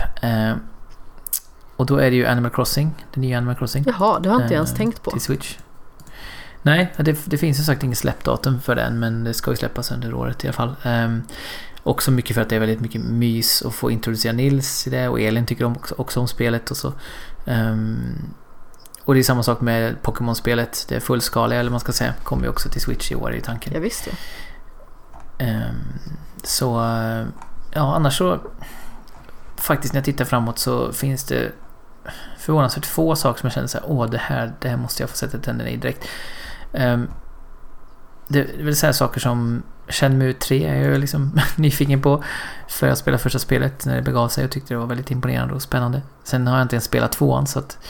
Um, men det ska bli kul att se vad det blir av det också. Det är ju lite så här, lite som en bilolycka som man, som man kanske inte kan titta bort ifrån också för att det ser ju inte bra ut av det man har sett hittills. Um, men det ska i alla fall bli intressant att se. Jag hoppas, håller tummarna för att det ska bli bra. Och sen uh, Fire Emblem har jag aldrig spelat men vill börja spela. Jag har alltid liksom tänkt att det här är en spelserie jag säkert skulle tycka om. Så att jag tänker att uh, liksom du så kommer jag försöka eller ja, du kommer inte försöka, du kommer definitivt uh, sätta dig ner och spela det nya Fire ja, Emblem på absolut. Switch. Alltså jag är jätte, jättesugen på det här. Nu känns det som att det var jättelänge sedan det kom ett nytt Fire Emblem. Det var ju den här eh, remaken som släpptes förra sommaren vill jag minnas. Den här Fire Emblem Shadow of Valentia. Som jag Mm. faktiskt inte har spelat klart för jag hittar inte min lilla kassett. Nej. Jag håller på att bli tokig och jag springer runt och letar efter det. Och jag tyckte att spelet var jättebra. Det var jätteintressant att spelas ut två olika vinklar. Och jag tycker om Fire Emblem-serien så himla mycket. Så jag tänker faktiskt så här att jag ska försöka att vara lite mer taktisk i år när det gäller spel. För jag märker väldigt tydligt att i synnerhet med tanke på mitt recenserande att jag hattar lite för mycket mellan olika eh, upplevelser. Och det gör det Mm. lite svårt för mig. Så nu ska jag försöka liksom att ta en grej i taget. Därför har jag liksom inte ens skaffat Gris. Bara för att jag känner att nu har jag ett recensionsspel som jag känner att jag behöver bli klar med först. Och jag behöver ha skrivit recensionen så jag liksom får den ur vägen. Sedan så är det ett litet gap tills jag ska få nästa recensionsspel. För jag har några som jag vet att jag faktiskt kommer att spela. Eh, och då tänker jag att när jag har den här lilla luckan, då kan jag sätta mig med ditten. Och sen så kan jag sätta mig med datten. Bara så att det liksom inte blir att jag liksom börjar med ett spel och sedan så blir det att jag semi-parallellspelar med något annat. Och att det blir liksom samma som det blev i höstas. För jag kände mig faktiskt lite stressad med det. Att jag påbörjade Mm. ett nytt projekt hela tiden och aldrig avslutade någonting. Ja, det har jag också gjort väldigt mycket genom åren med spel. Men jag har blivit bättre på det och det är verkligen mer tillfredsställande när man kan lägga ett spel till handlingen och ta tag i ett, annat. Mm. Eh, Men eh, ett spel som jag också vet att vi båda ser fram emot och som också kopplas till min skämshög ehm, är ju Ori and the Will of the Wisps. Oh. Ja, jag hoppas verkligen att det kommer i år nu. För jag vet inte riktigt om det ens var satt att det skulle komma 2019. Det var lite osäkert. Jag tror att det ska komma 2019. Men sen när jag kollade igenom lite när det faktiskt skulle släppas så verkade det lite mer odefinierat. Mm. Ja, men grejen är så här, som jag sa förut, jag älskar ju 2D-plattformsspel. Och det här är ju liksom ett, ett av de vackraste exemplen på, på det genom tiderna. På alla sätt, både estetiskt och eh, vad ska man säga, tonmässigt. Ehm, men jag har ägt det länge på PC, men inte spelat det. Eh, olika anledningar och sen nu i år så har det kommit så mycket 2D-plattformsspel som jag har spelat som Celeste och Dead Cells och inte minst eh, Hollow Knight som har liksom en, inte liknande ton men ändå den här lite dystra eh, Det undertonen. finns ett mörker någonstans som man kanske inte alltid upplever ifall man inte är intresserad av det. Nej, precis. Men så att jag blev lite matt på alla, alltså jag, jag älskade de, de, alla de spelen jag näm- nämnde men det gjorde att jag blev kanske lite mättad på genren ett tag. Så jag har fortfarande inte, jag, jag började nagga och spela lite grann på, på eh, uh, Ori and the Blind Forest men jag har inte kommit så långt och jag känner att det, det är ju definitionen av ett skämshögspel för mig. Jag vet att jag kommer älska det. Jag borde spela det för att varför håller jag på och skjuter upp det men jag har inte riktigt kommit till skott än. Men jag, jag ska verkligen eh, ta tag i detta nu under våren här och, och få spela spelet så jag eh, kan få se fram emot Will of the Wisps ännu mer. Ja men definitivt. Jag hade ju in the Blind Forest som skämshögspel tills faktiskt förra året. Jag tyckte att det var det spelet som jag skämshögsmässigt hade faktiskt mest behållning av. Det var ju lite sammanhanget som jag faktiskt spelade också. Jag spelade ihop med Tobbe. Vi streamade det på Svampriket. Och vi satt och liksom kämpade med det här spelet i, jag tror det var 13 timmar eller någonting i den stilen. Och grejen var att vi hade planerat att det skulle vara kanske 8-9 timmar. Och jag skulle jobba dessutom. Jag skulle skriva referat för Svenska Bowlingförbundet.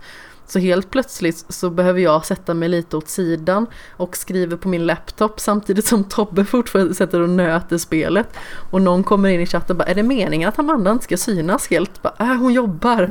Så vi sitter liksom där med varsin grej och fortsätter att nöta spelet. Och sen så när Tobbe hade kommit till typ sista banan och nött den länge och väl så klarade vi ju spelet. Och det var så fint. Så Ja. jag, ja, jag rekommenderar verkligen det. Och att man faktiskt ja, känner att man tar sig tid med det. För det är ju liksom Metroidvania-stuket. Mm.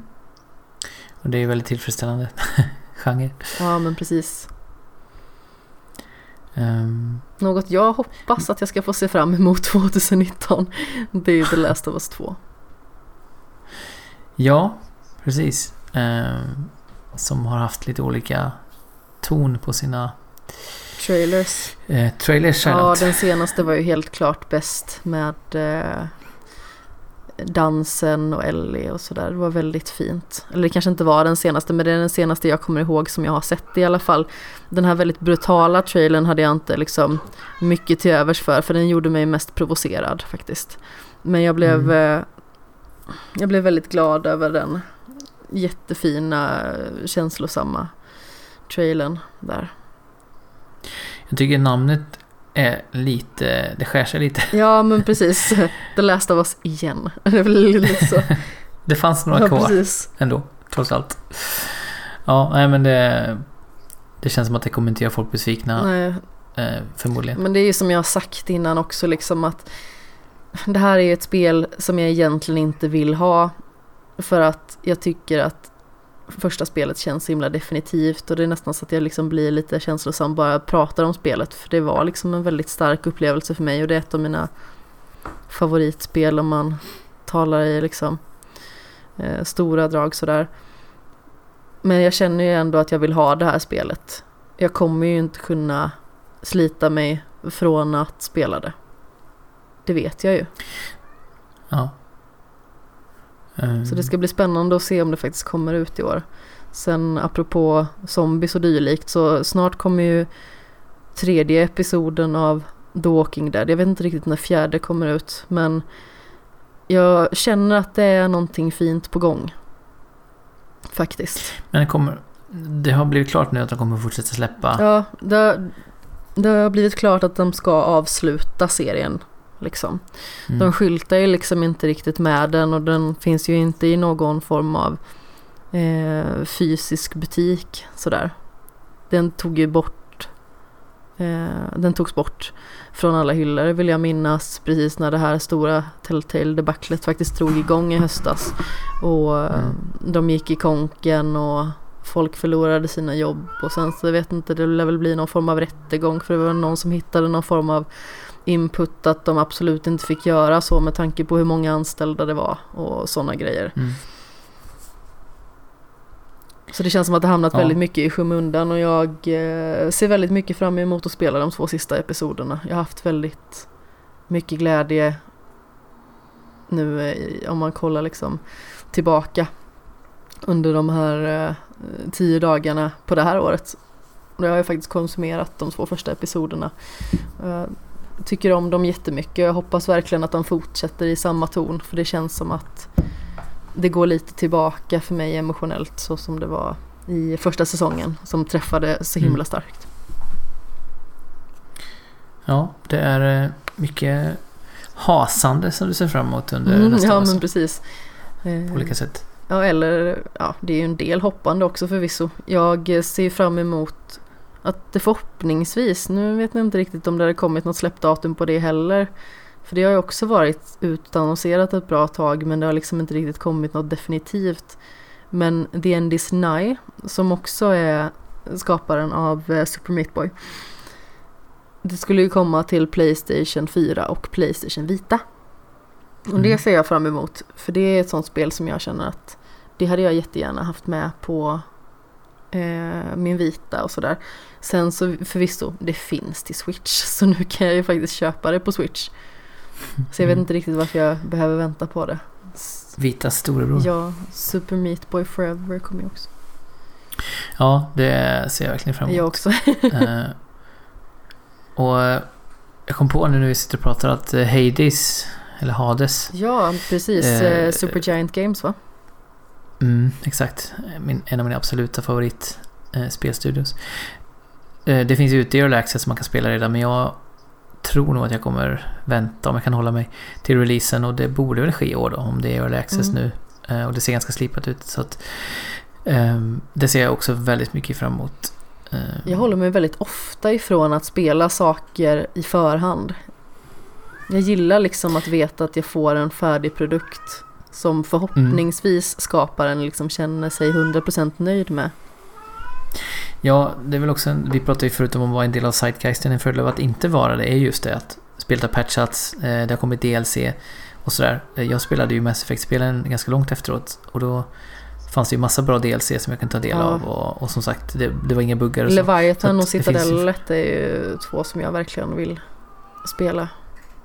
Mm, alltså Leviathan, jag kan inte säga nog om hur viktigt det är för spel. Alltså både för Mass Effect 3, för hela spelserien storymässigt. Det är helt sjukt att de inte har med det i, i, i huvudspelet. liksom. Men, också, ja, men också hur coolt det uppdraget är. eh, Hur annorlunda det är. Så att, eller det uppdraget, men ett... Alltså det uppdraget som eh, så att säga avslutar Leviathan, arken. Eh, ja, jag kan verkligen... Jag, nästan, jag skulle nästan säga att det är... ehm, eh, vad säger man? Mandatory, vad heter det på svenska? Obligatoriskt. Eh, obli ja, obligatoriskt att, att ha med eh, Leviathan när man ska spela Mass Effect 3. Ja, det har jag ju Mm. införskaffat. Och sen så vad jag förstått så skulle det här eh, Citadellet DLC vara väldigt charmigt också med liksom den här avslutningen. Och liksom, Det är lite mer så här eh, lättsamt Ja. och man får gosa med dem man känner liksom. Eh, mer, det är inte så mycket lättsamhet i Mass Effect annars. nej är men exakt, det är lite ond bråd död och man förlorar karaktärer som man älskar. Och jag ser ju fram emot att faktiskt få liksom ta mig an det här någon dag. Och om vi ska prata om liksom skämshögspel som jag verkligen hoppas att jag faktiskt tar mig an 2019 så Mass Effect 1, 2 och 3 det, det är någonting som jag verkligen hoppas att jag äntligen får tummarna ur röven och faktiskt liksom blir klar med någon gång. För jag har ju börjat spela första Mass Effect men det går ju långsamt för mig. Mm. Och så börjar jag spela Tummar lite. är ju viktiga Ja men precis. när man ska spela. Så har man den i röven så är den väldigt svår att styra med. Eh, Mycket svårare. Eh, nej men eh, det är ju ett, ett, ett rejält projekt men ett, ett, en investering som du kommer få mångfald tillbaka skulle jag våga påstå. ja, Ehm, Så du kanske ska göra en grej av det på något sätt. Alltså typ streama eller jag vet inte, det kanske du inte vill men någonting som gör att du liksom nästan tvingas ta dig an det. ja men exakt att man kanske typ förtäljer sin berättelse i efterhand eller någon sån grej. Bara så man liksom får en Mm. liten morot att faktiskt ta sig an det lite extra. Det låter nästan lite som en sagostund. Får jag en helt originell idé. ja men precis. Vi känner ju igen det från en eh, väldigt älskvärd podcast vid namn Retroresan. Det är ju faktiskt snart Retroresan Meetup. Bara en månad Mm. kvar. Vid talande stund. ja, ett brunt löv som pratar om hur sina upplevelser i Final Fantasy-spelen bland Ja, annat. så himla fint. Älskar sagostunden för övrigt. Det är ett segment som ja, jag- jag har liksom inte kunnat lyssna på dem. Alltså, jag, jag kan nog inte räkna upp alla de gångerna jag har lyssnat på sagostunden individuellt. Och bara liksom fått njuta av hur mysigt det är att lyssna på alla de här rollspelen. Och jag känner faktiskt... Bra chi- chill-material. Ja, jag känner ju faktiskt att vissa av dem har jag inte så jättestort behov av att spela. Utan jag kan faktiskt vara ganska nöjd med att men jag har fått ta del av berättelsen. Eh, Final Fantasy 6 vill jag väldigt gärna spela till exempel. Men, eh, och, och fyran har jag ju spelat. Men jag känner Mm. liksom att sjuan behöver jag kanske inte riktigt spela. Och kanske inte femman heller. Det lutar väl mot kanske nian. För att det känns hyfsat lättillgängligt för mig på något sätt. Ja, jag tycker ju både sjuan och åttan är underbara. Um, åttan var ju speciellt att jag var tonåring och det handlar väldigt mycket om tonårsångest. Så att, det träffade mig helt Ja, rätt. men det är lätt att relatera liksom till sin vardag eller vad man ska säga. Mm. Det är fint.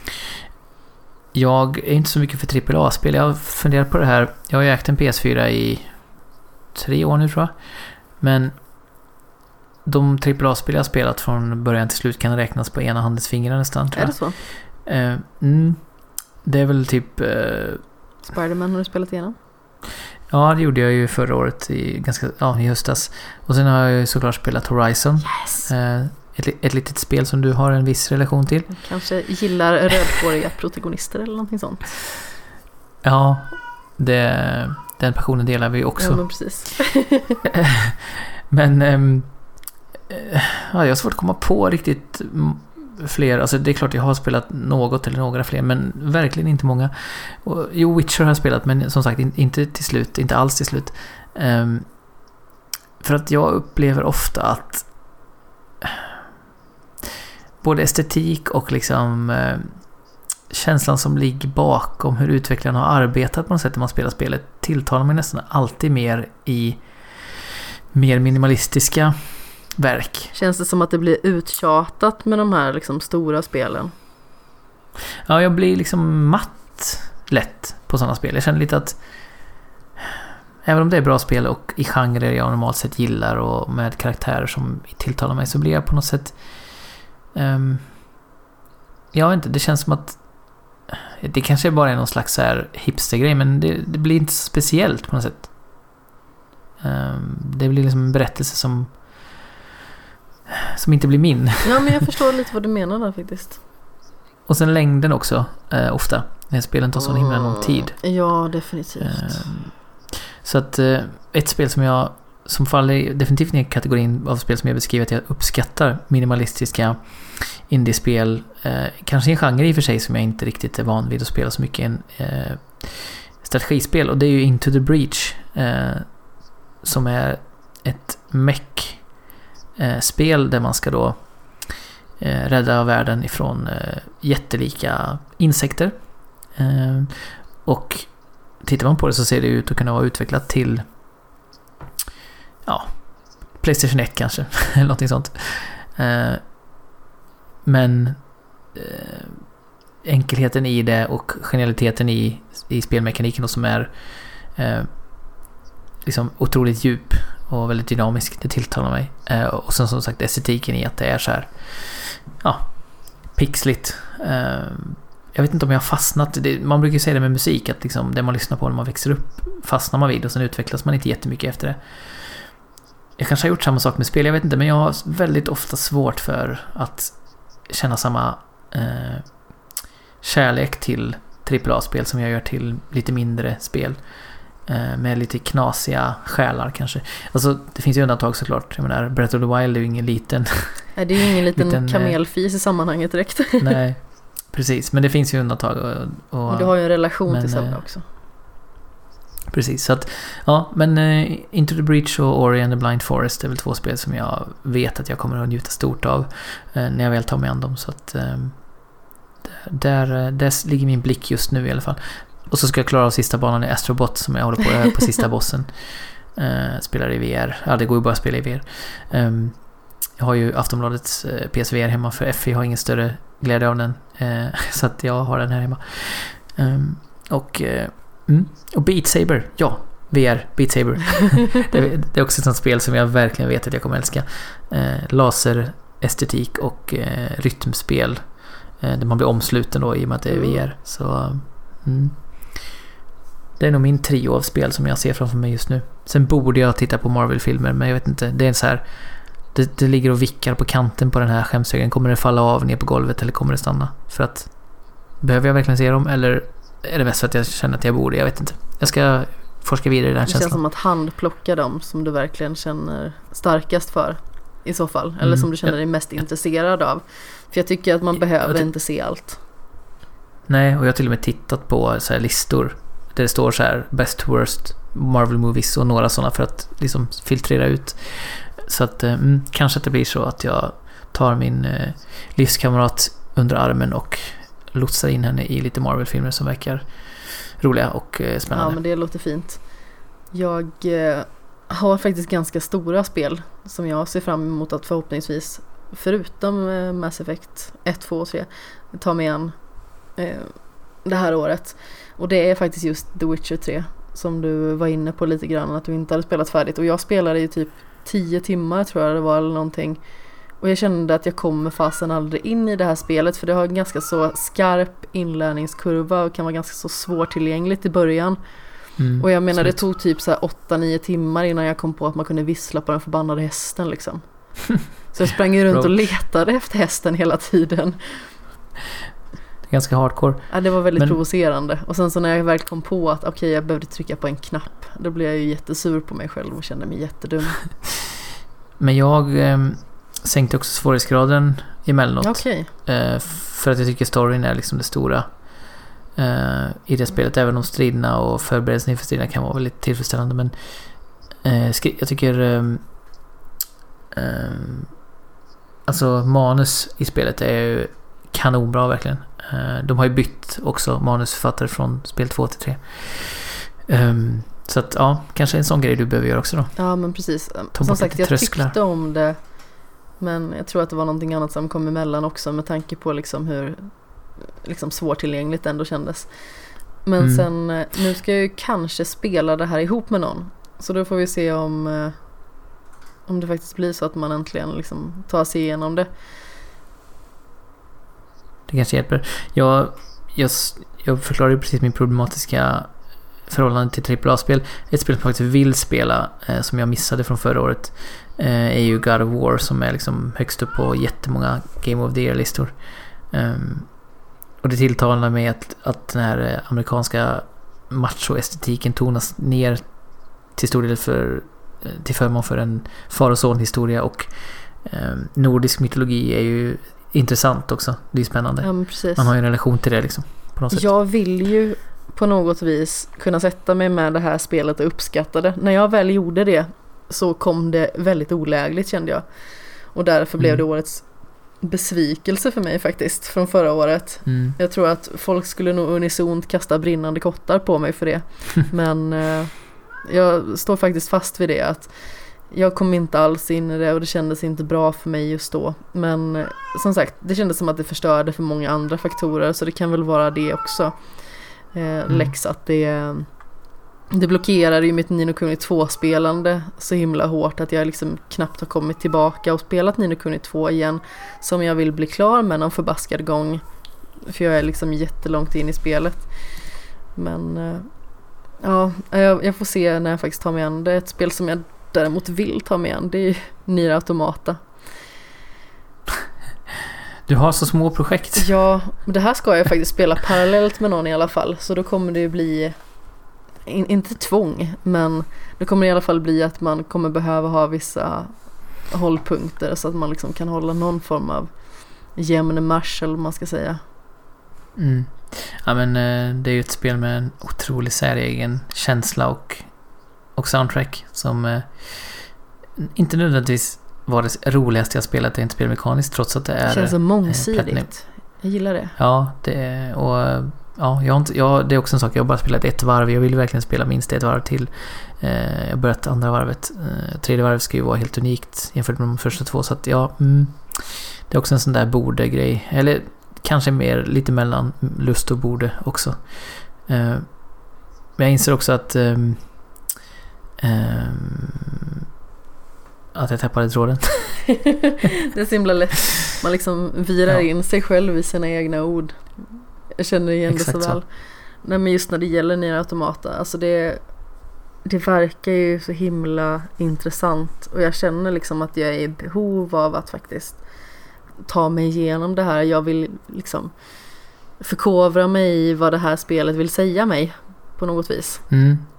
Och se till att köra lite sidouppdrag också för där finns en hel del härliga små personliga berättelser som faktiskt lyfter spelet väldigt mycket. Den här världen har ju mycket tragik i sig, melankoli. Ja men exakt. Eh, Dystopi, Eh, minst sagt. Mm. Och jag fortsätter langa upp AAA-spel här som jag sagt att jag har svårt för. Eh, eh, Persona 5, jag älskar ju japansk estetik och den, hela den här poserande egenskapen som finns i Persona-spelen tilltalar mig extremt mycket. Eh, och jag tänker så här, om jag ändå ska ha, vara tvåbarnspappa, driva eh, ett så här gubblag i fotboll, jobba heltid, då kan jag väl ta mig an ett eh, 110 timmars spel Jag också gillar att du utan säger problem. gubblag. Det låter så himla gulligt. Ja, vi är gubbar. Ehm, stela och halvgamla. Men ja, vi får se. Persona 5 känns som en så här pipe dream för mig att jag ska någonsin lyckas få spela men jag vill verkligen någon gång. Um, se om 2019 är the year eller om det blir 2020. Ja, det är ju så med skämshögar att man tänker hela tiden att men i år, i år blir året jag faktiskt ska ta mig an det här och sedan så skjuts det upp. Och sedan så blir det inte riktigt av. Men när man väl har fått tummarna ur och gör någonting då blir man ju så himla tillfredsställd, tycker jag i alla fall. Jag tycker att det finns så himla mycket bra känsla i att faktiskt bli klar med någonting som man verkligen har sett fram emot. Som man har känt att man verkligen behöver ta sig an för att kunna liksom bli berikad i sitt kulturella liv eller vad man ska säga.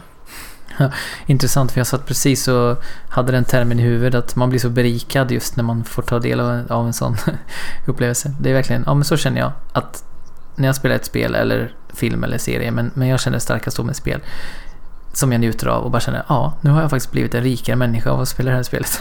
det är faktiskt verkligen den... Du ramade in känslan där. Ja men vad fint.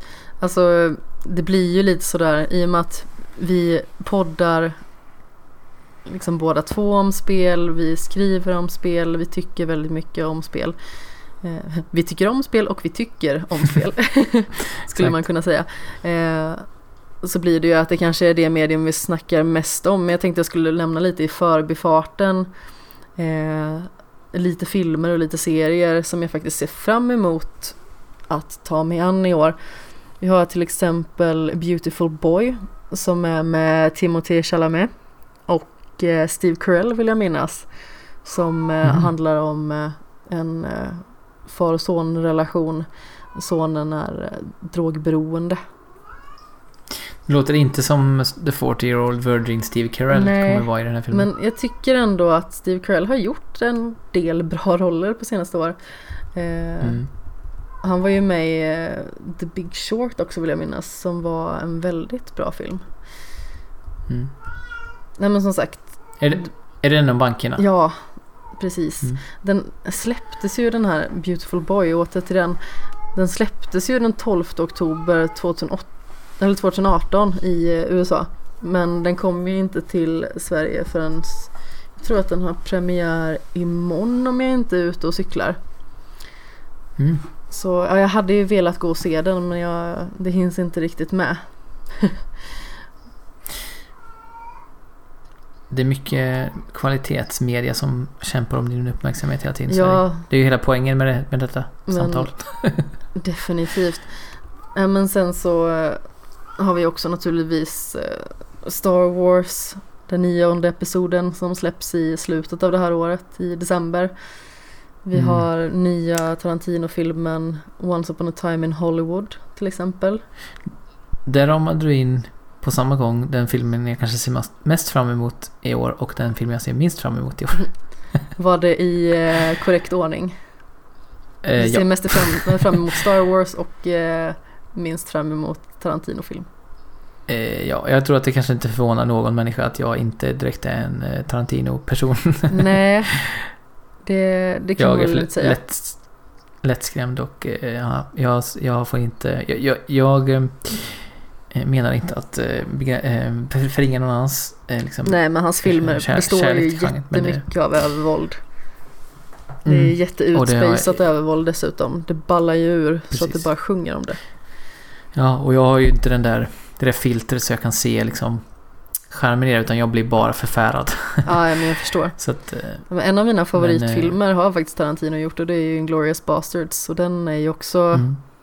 urspårad minst sagt. Det är ju en alternativ berättelse om andra världskriget. Jag mm. tycker att den är suverän. Det finns väldigt många bra karaktärer och sådär. Jag tycker om den jättemycket. Men att se Episod 9, äh, få se eh, Rays fortsatta utveckling ska ju bli jättekul och ja, härligt. Episod 8 eh, älskade jag. Mm, samma här fast uh, det verkar dela åsikter. Ja men exakt, det var ju verkligen en vattendelare. Det var vissa som verkligen tyckte exakt som jag och sen så kändes det som att många tyckte att ja, de har förstört mitt Star Wars. Lite gnälligt. Klassiker. Mm. Jag, jag, tycker ju att Adam Driver är så himla bra som Kylo Ren också. Jag har ju aldrig sett honom i någonting annat. Jag har ju tittat så lite på, som jag sa, TV och TV-serier. Och därav har jag inte sett honom i Girls till exempel, han var med va? Um, jag har ehm, ingen aning faktiskt. Och lite annat. jag har hört många som har sett honom där i alla fall och på andra ställen. Men jag liksom, det är första gången jag ser honom i någonting. Jag bara åh vilken klockren casting. Um, så att ja, Ray och uh, Kylos fortsatta jag hoppas säga will they, won't they, men det är inte riktigt så. Men, men deras relation i alla fall ska bli kul att få utforska Ja, men definitivt. Och sen ytterligare en uppföljning, det är ju faktiskt andra kapitlet av It. Som jag tycker ska bli spännande att se. Jag är inte jättemycket för skräckfilm för att jag är en av de fegaste människor jag vet. Jag är alltså så dunderfeg så att det är fånigt. Men jag gillade faktiskt den första episoden där. Mm. Ja, den fick väl eh, ganska unisona hyllningar Mm. ändå. För att vara en, ett gammalt varumärke som man rustar Ja. upp igen. Det är inte alltid det går så. Skarsgård gjorde verkligen sin egen variant av eh, Pennywise. Alltså jag, Jätteobehaglig. kom, ah, jag kommer ihåg hur rädd jag var för att jag skulle råka få se It när jag var liten. Ja, för jag Tim en kompis som, Curry-versionen där. Ja, en Visst kompis som såg så? den. Eller så är jag fel nu? Nej, det tror jag. Eh, Steve Curry är väl en basketspelare om du inte tänkt på honom. Nu blir det syrsor här. ja, nej men, eh, och då han pratade om, om den och det lät verkligen så otroligt otäckt. Eh, Så jag var alltid rädd att jag skulle som sagt råka få se någon bara scen Åh. ur den. Och, och det har jag inte gjort än. Så att jag hoppas jag slipper se någonting i två också. Du får ta all, eh, eh, du får ta all eh, kvalitetstid men jag överlåter åt dig. Ja, men exakt. Eh, nu ska vi faktiskt se här. Jag ska göra en liten smygare här i eh, bakgrunden. Alltså inte, inte, inte en smygfis. Det lät verkligen som att jag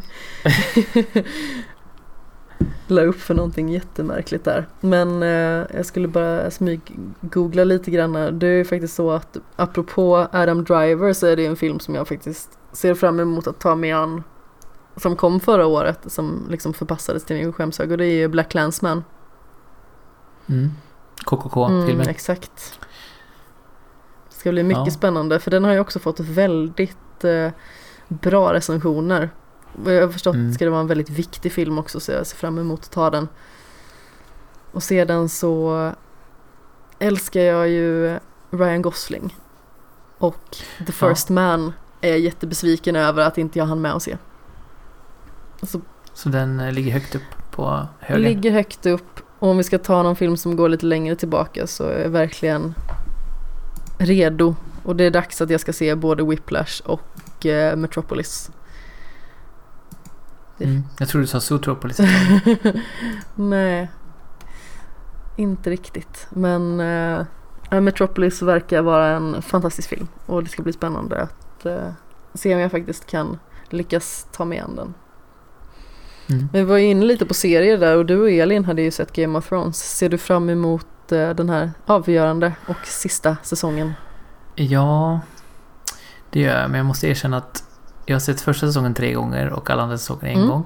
Och läst alla böckerna också. Oj, Ehm, och i Wikipedia allt. du har varvat Men- internet i eh, Game of Eh, Thrones ja. anda. Jag har också haft flertalet Game of Thrones-luncher där jag och mina vänner har förberett vissa ämnen som vi vill ta upp ur eh, bok TV och tv-serien. Och Ja, men vad fint. suttit en hel lunch och diskuterat. Så att jag, jag tror nästan att jag har liksom maxat min Game of Thrones-upplevelse. Jag äger också ett seriealbum. Ehm, men jag har inte sett den senaste säsongen, vilket är helt... Oj, Snacka om skämshög alltså. Det är ju den skämsigaste av skämsar. men den är Ehm. inte så lång heller. Nej, vi ska, vi ska ta oss an den. Eh, det kräver bara... Brukar låta så. Ja, och det kräver ju så bara mycket emotionell investering. Man är ju helt dränerad efter ett avsnitt så att eh, måste arbeta upp lite mur först bara. Ja. Jag ser jättemycket fram emot att se vad som händer härnäst. Ja, Kan bli spännande.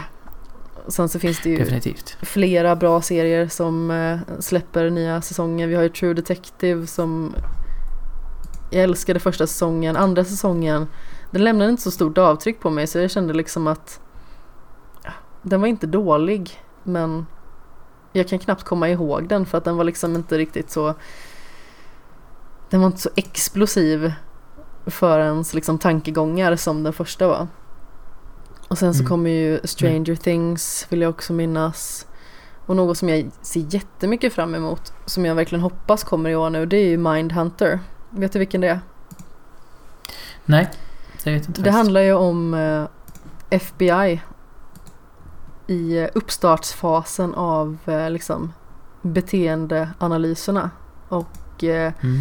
hur de började bearbeta det nya uttrycket eh, seriemördare och sådär. De undersökte och eh, intervjuade så kallade seriemördare för att liksom få reda på ja, men, vad deras motiv var, hur det blev så. Och det, liksom, de kom ju fram till mycket liksom att eh, det hade mycket med deras bakgrund att göra och sådana grejer. Den är väldigt intressant på det sättet att det är i stort sett inget våld. Och jag gillar det för ofta så brukar ju sådana här eh, ja, men, typiska detektiv eller FBI eller CSI dylikt. Det brukar ju vara ganska så våldsbetonat men här är det verkligen jättenedtonat, det är väldigt intellektuellt. Det fokuserar väldigt mycket på liksom psyket hos de här människorna. Och sen så finns Mm. det naturligtvis en parallell historia hur eh, huvudpersonen till exempel Holden Ford som är baserad på en riktig person. Eh, Mm. John Douglas vill jag minnas att han heter men eh, kasta inte kottar på mig hörni om eh, det är så att jag säger fel just nu. Men även eh, hans kollega. Alltså det, den här duon är ju liksom baserad på verkliga personer och på deras liksom eh, uppstart och eh, formande av beteendevetenskapen i eh, kriminalstuderande syfte. Mm. Så den är superintressant och den ska få en säsong två som egentligen skulle kommit i slutet av 2018 men de sköt upp den för att de ville förfina den mer och det tycker jag är jättestort av dem. För många tror jag faktiskt är oroliga vad liksom fansen ska tycka. Men eh, jag tycker verkligen att det är ett smart steg ifall man känner att man behöver göra någonting bättre, att man liksom behöver tid på sig för att färdigställa en produkt som kommer vara tilltalande och kanske liksom ha ett annat djup eller sådär. Äh, jag, jag, köper det verkligen. Jag, men jag hoppas liksom att den är på gång snart för jag kan knappt börja men jag har sett första säsongen tre gånger tror jag. Och då kom den 2017 och jag såg den säsongen första gången i början av 2018. Ja, du är redo som sagt. Din kropp Min är kropp redo. är jätteredo. Min kropp börjar nästan göra sig redo för att somna snart. Inte, jag, jag tycker att vårt samtal är jättemysigt och jag skulle egentligen om inte klockan var som den är sitta i ett par timmar till men då kanske lyssna, lys, lyssnarnas öron skulle trilla, trilla av. Ehm, men jag har ju den här gubbturneringen att tänka på imorgon också. Just det. Eh, vi, ska, vi ska spela en fotbollsturnering med eh, vårt gubbalag då. Eh, det ser jag fram emot väldigt mycket. Eh, men det, det kräver också sin, sin sömn. Ja men definitivt och jag ska ju upp och jobba och ha mig i sedvanlig ordning. Mm. Du ska göra, eh, säga, lite Lords work på gymmet så att människor eh, faktiskt kan må bra också. Ja, jag- i det här fallet ska jag ju eh, jobba med ekonomiska aspekter så det kan väl också vara eh, någonting som tillför ett att- välmående för vissa. En stabil Ja. ekonomi, Precis. helt precis. sonika. Men jag ska upp ganska så tidigt så jag känner att eh, ja, det börjar faktiskt eh, lida mot sitt slut. Dagen till ära och du, det kommer ju inte vara sista gången du är här, eller hur? Nej, inte om jag får bestämma. Eh, Det får jag ju inte men Jag tycker hoppas att du faktiskt att du bestämmer får samma. bestämma i det här fallet. då bestämmer jag att eh, jag kommer tillbaka snarast. Ja, med trumpet. Tack. Ja, just det. Men då, då dröjer det tyvärr minst två månader, så att tre månader. Men Du kanske kan ta med Jag något kanske- annat instrument. Kan du ta med en triangel? ja, jag kan ta med... Bara så att du har en ursäkt för en- att komma tillbaka. jag skaffar en mungiga och kommer tillbaka. Näsflöjt. Ja, det är jag bra på. Jag är ständigt täppt i näsan, så att, eh, det tar vi. Ja, hur som haver. Jesper, när man inte lyssnar på dig som pratar med mig i den här podcasten, vart hittar man dig då för någonstans? Om vi talar liksom eh, platser på internet eller i folks öron. Ja, det bästa stället eh, är nog att söka upp mig på Twitter. Eh, man får komma hem till mig också om man vill, men då får man gärna Det blir lite obehagligt om folk bara står där och bara hej jag skulle söka upp dig. Ja, eh, men om ni ändå vill göra det på ett lite mer, eh, vad ska vi säga, eh, försiktigt sätt till att börja med. Sen kanske ni får komma hem till mig efteråt. Det är att ni hittar mig på Twitter eh, på @jeppyjoy då. Eh, joy som i glädje. Eh, och ja, där eh, är jag väl mestadels. Och sen så kan man som sagt lyssna eh, på både Trekraften och på TV-spelspodden. Precis, tv-spelspodden har ju en liten paus dock just nu. Men eh, kommer att resa sig ur sin dvala inom kort antar jag. Ja, med ett Game of the Year-avsnitt. Så det Precis. startar väl med någon slags bang direkt. Ja, jag gillar att prata om sånt. Jag gillar att prata om saker jag tycker om. Ja, det, det är på något sätt det bästa. Att så här, man får njuta av någonting och sen får man bara dela med sig av det med likasinnade. Man får liksom gnida in få- sig i sitt omtyckande Mm. av någonting. Exakt, bara marinera sig. Ja, det, det är verkligen eh, en vacker sak få Ja, men precis. Och sen så skriver du ju för Aftonbladet också, men det nämnde du ju tidigare. Ja, exakt. Eh, Just nu är det också lite låg säsong för det, men eh, under våren kommer det puttra igång igen. Eh, Ni kan också gå tillbaka och titta på mina tidigare recensioner där jag bland annat jämför eh, spel med min relation till min fru. Var det eller, Fifa 19? eh, nej, det var nog PS jag jämförde med Ah. min PS 2019. Fast visst recenserade du Fifa 19 också? Eller är jag ute och cyklar? Ja, det gjorde Nej, nej, det gjorde jag. Eh, det gjorde jag. Och, eh, men jag har också jämfört spel med... Eh, eller jag har, jag har berättat om vilka spelhjältar jag vill gifta mig med och, och sådär. Så det, finns det är mycket, mycket relationer även i mina Ja, recensioner. fint. Så att eh, det kan ni gärna. Och ni kan, om ni blir nyfikna på eh, eh, Nier-automaten när vi pratar om det här så kan ni ju läsa den recensionen. Det är faktiskt en av recensionerna jag är, är mest nöjd med av de jag skrivit på Aftonbladet. Så den finns om man kollar i arkivet. Den är jättebra. Jag har läst den, såklart. Tack. Jag Tack. tycker ju att du är fantastisk Jesper. Och, och eh, eh, du vet ju att jag tycker det, eh, jag brukar säga det men jag kan säga det även on air att det är fantastiskt mysigt att få prata med dig eh, varje gång och med eller utan trumpet. Ja, men precis. Ja, men det är ömsesidigt. och Längtar tills att du kommer tillbaka igen. Jag hoppas att eh, det är fler av dina kompanjoner i din community som känner detsamma. Förhoppningsvis. Eh, hur som haver, om man vill eh, kontakta Skämshögen så finns Skämshögen på snabla Skamshogen på Twitter och Instagram. Finns också naturligtvis på facebook.com snedstreck Skamshogen. Finns på Wordpress under samma namn. Och eh, känner man att man vill gå mer privat till mig och kontakta mig så kan man göra det på antingen ja, Twitter eller Instagram är väl fiffigast. Och där heter jag snabel kapten Sten. Sten med två E. Men Jesper, det börjar bli godnatt tror jag. Vi sitter och spelar in rätt sent. Ja, det adderar ju till myset. Mm. Mörker, Ja, men, eh, mys. Ja, har, har du te? Jag har till och med ti- timern har slocknat här i eh, arbetsrummet jag sitter så nu sitter jag faktiskt bara ifrån ljuset av skärmen. Ja, men vad fint. Mm. Men tack så jättemycket för att du kom hit återigen.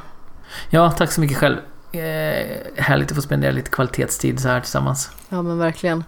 Och jag tackar även er kära lyssnare i sedvanlig ordning med ett litet puss i ljumsken.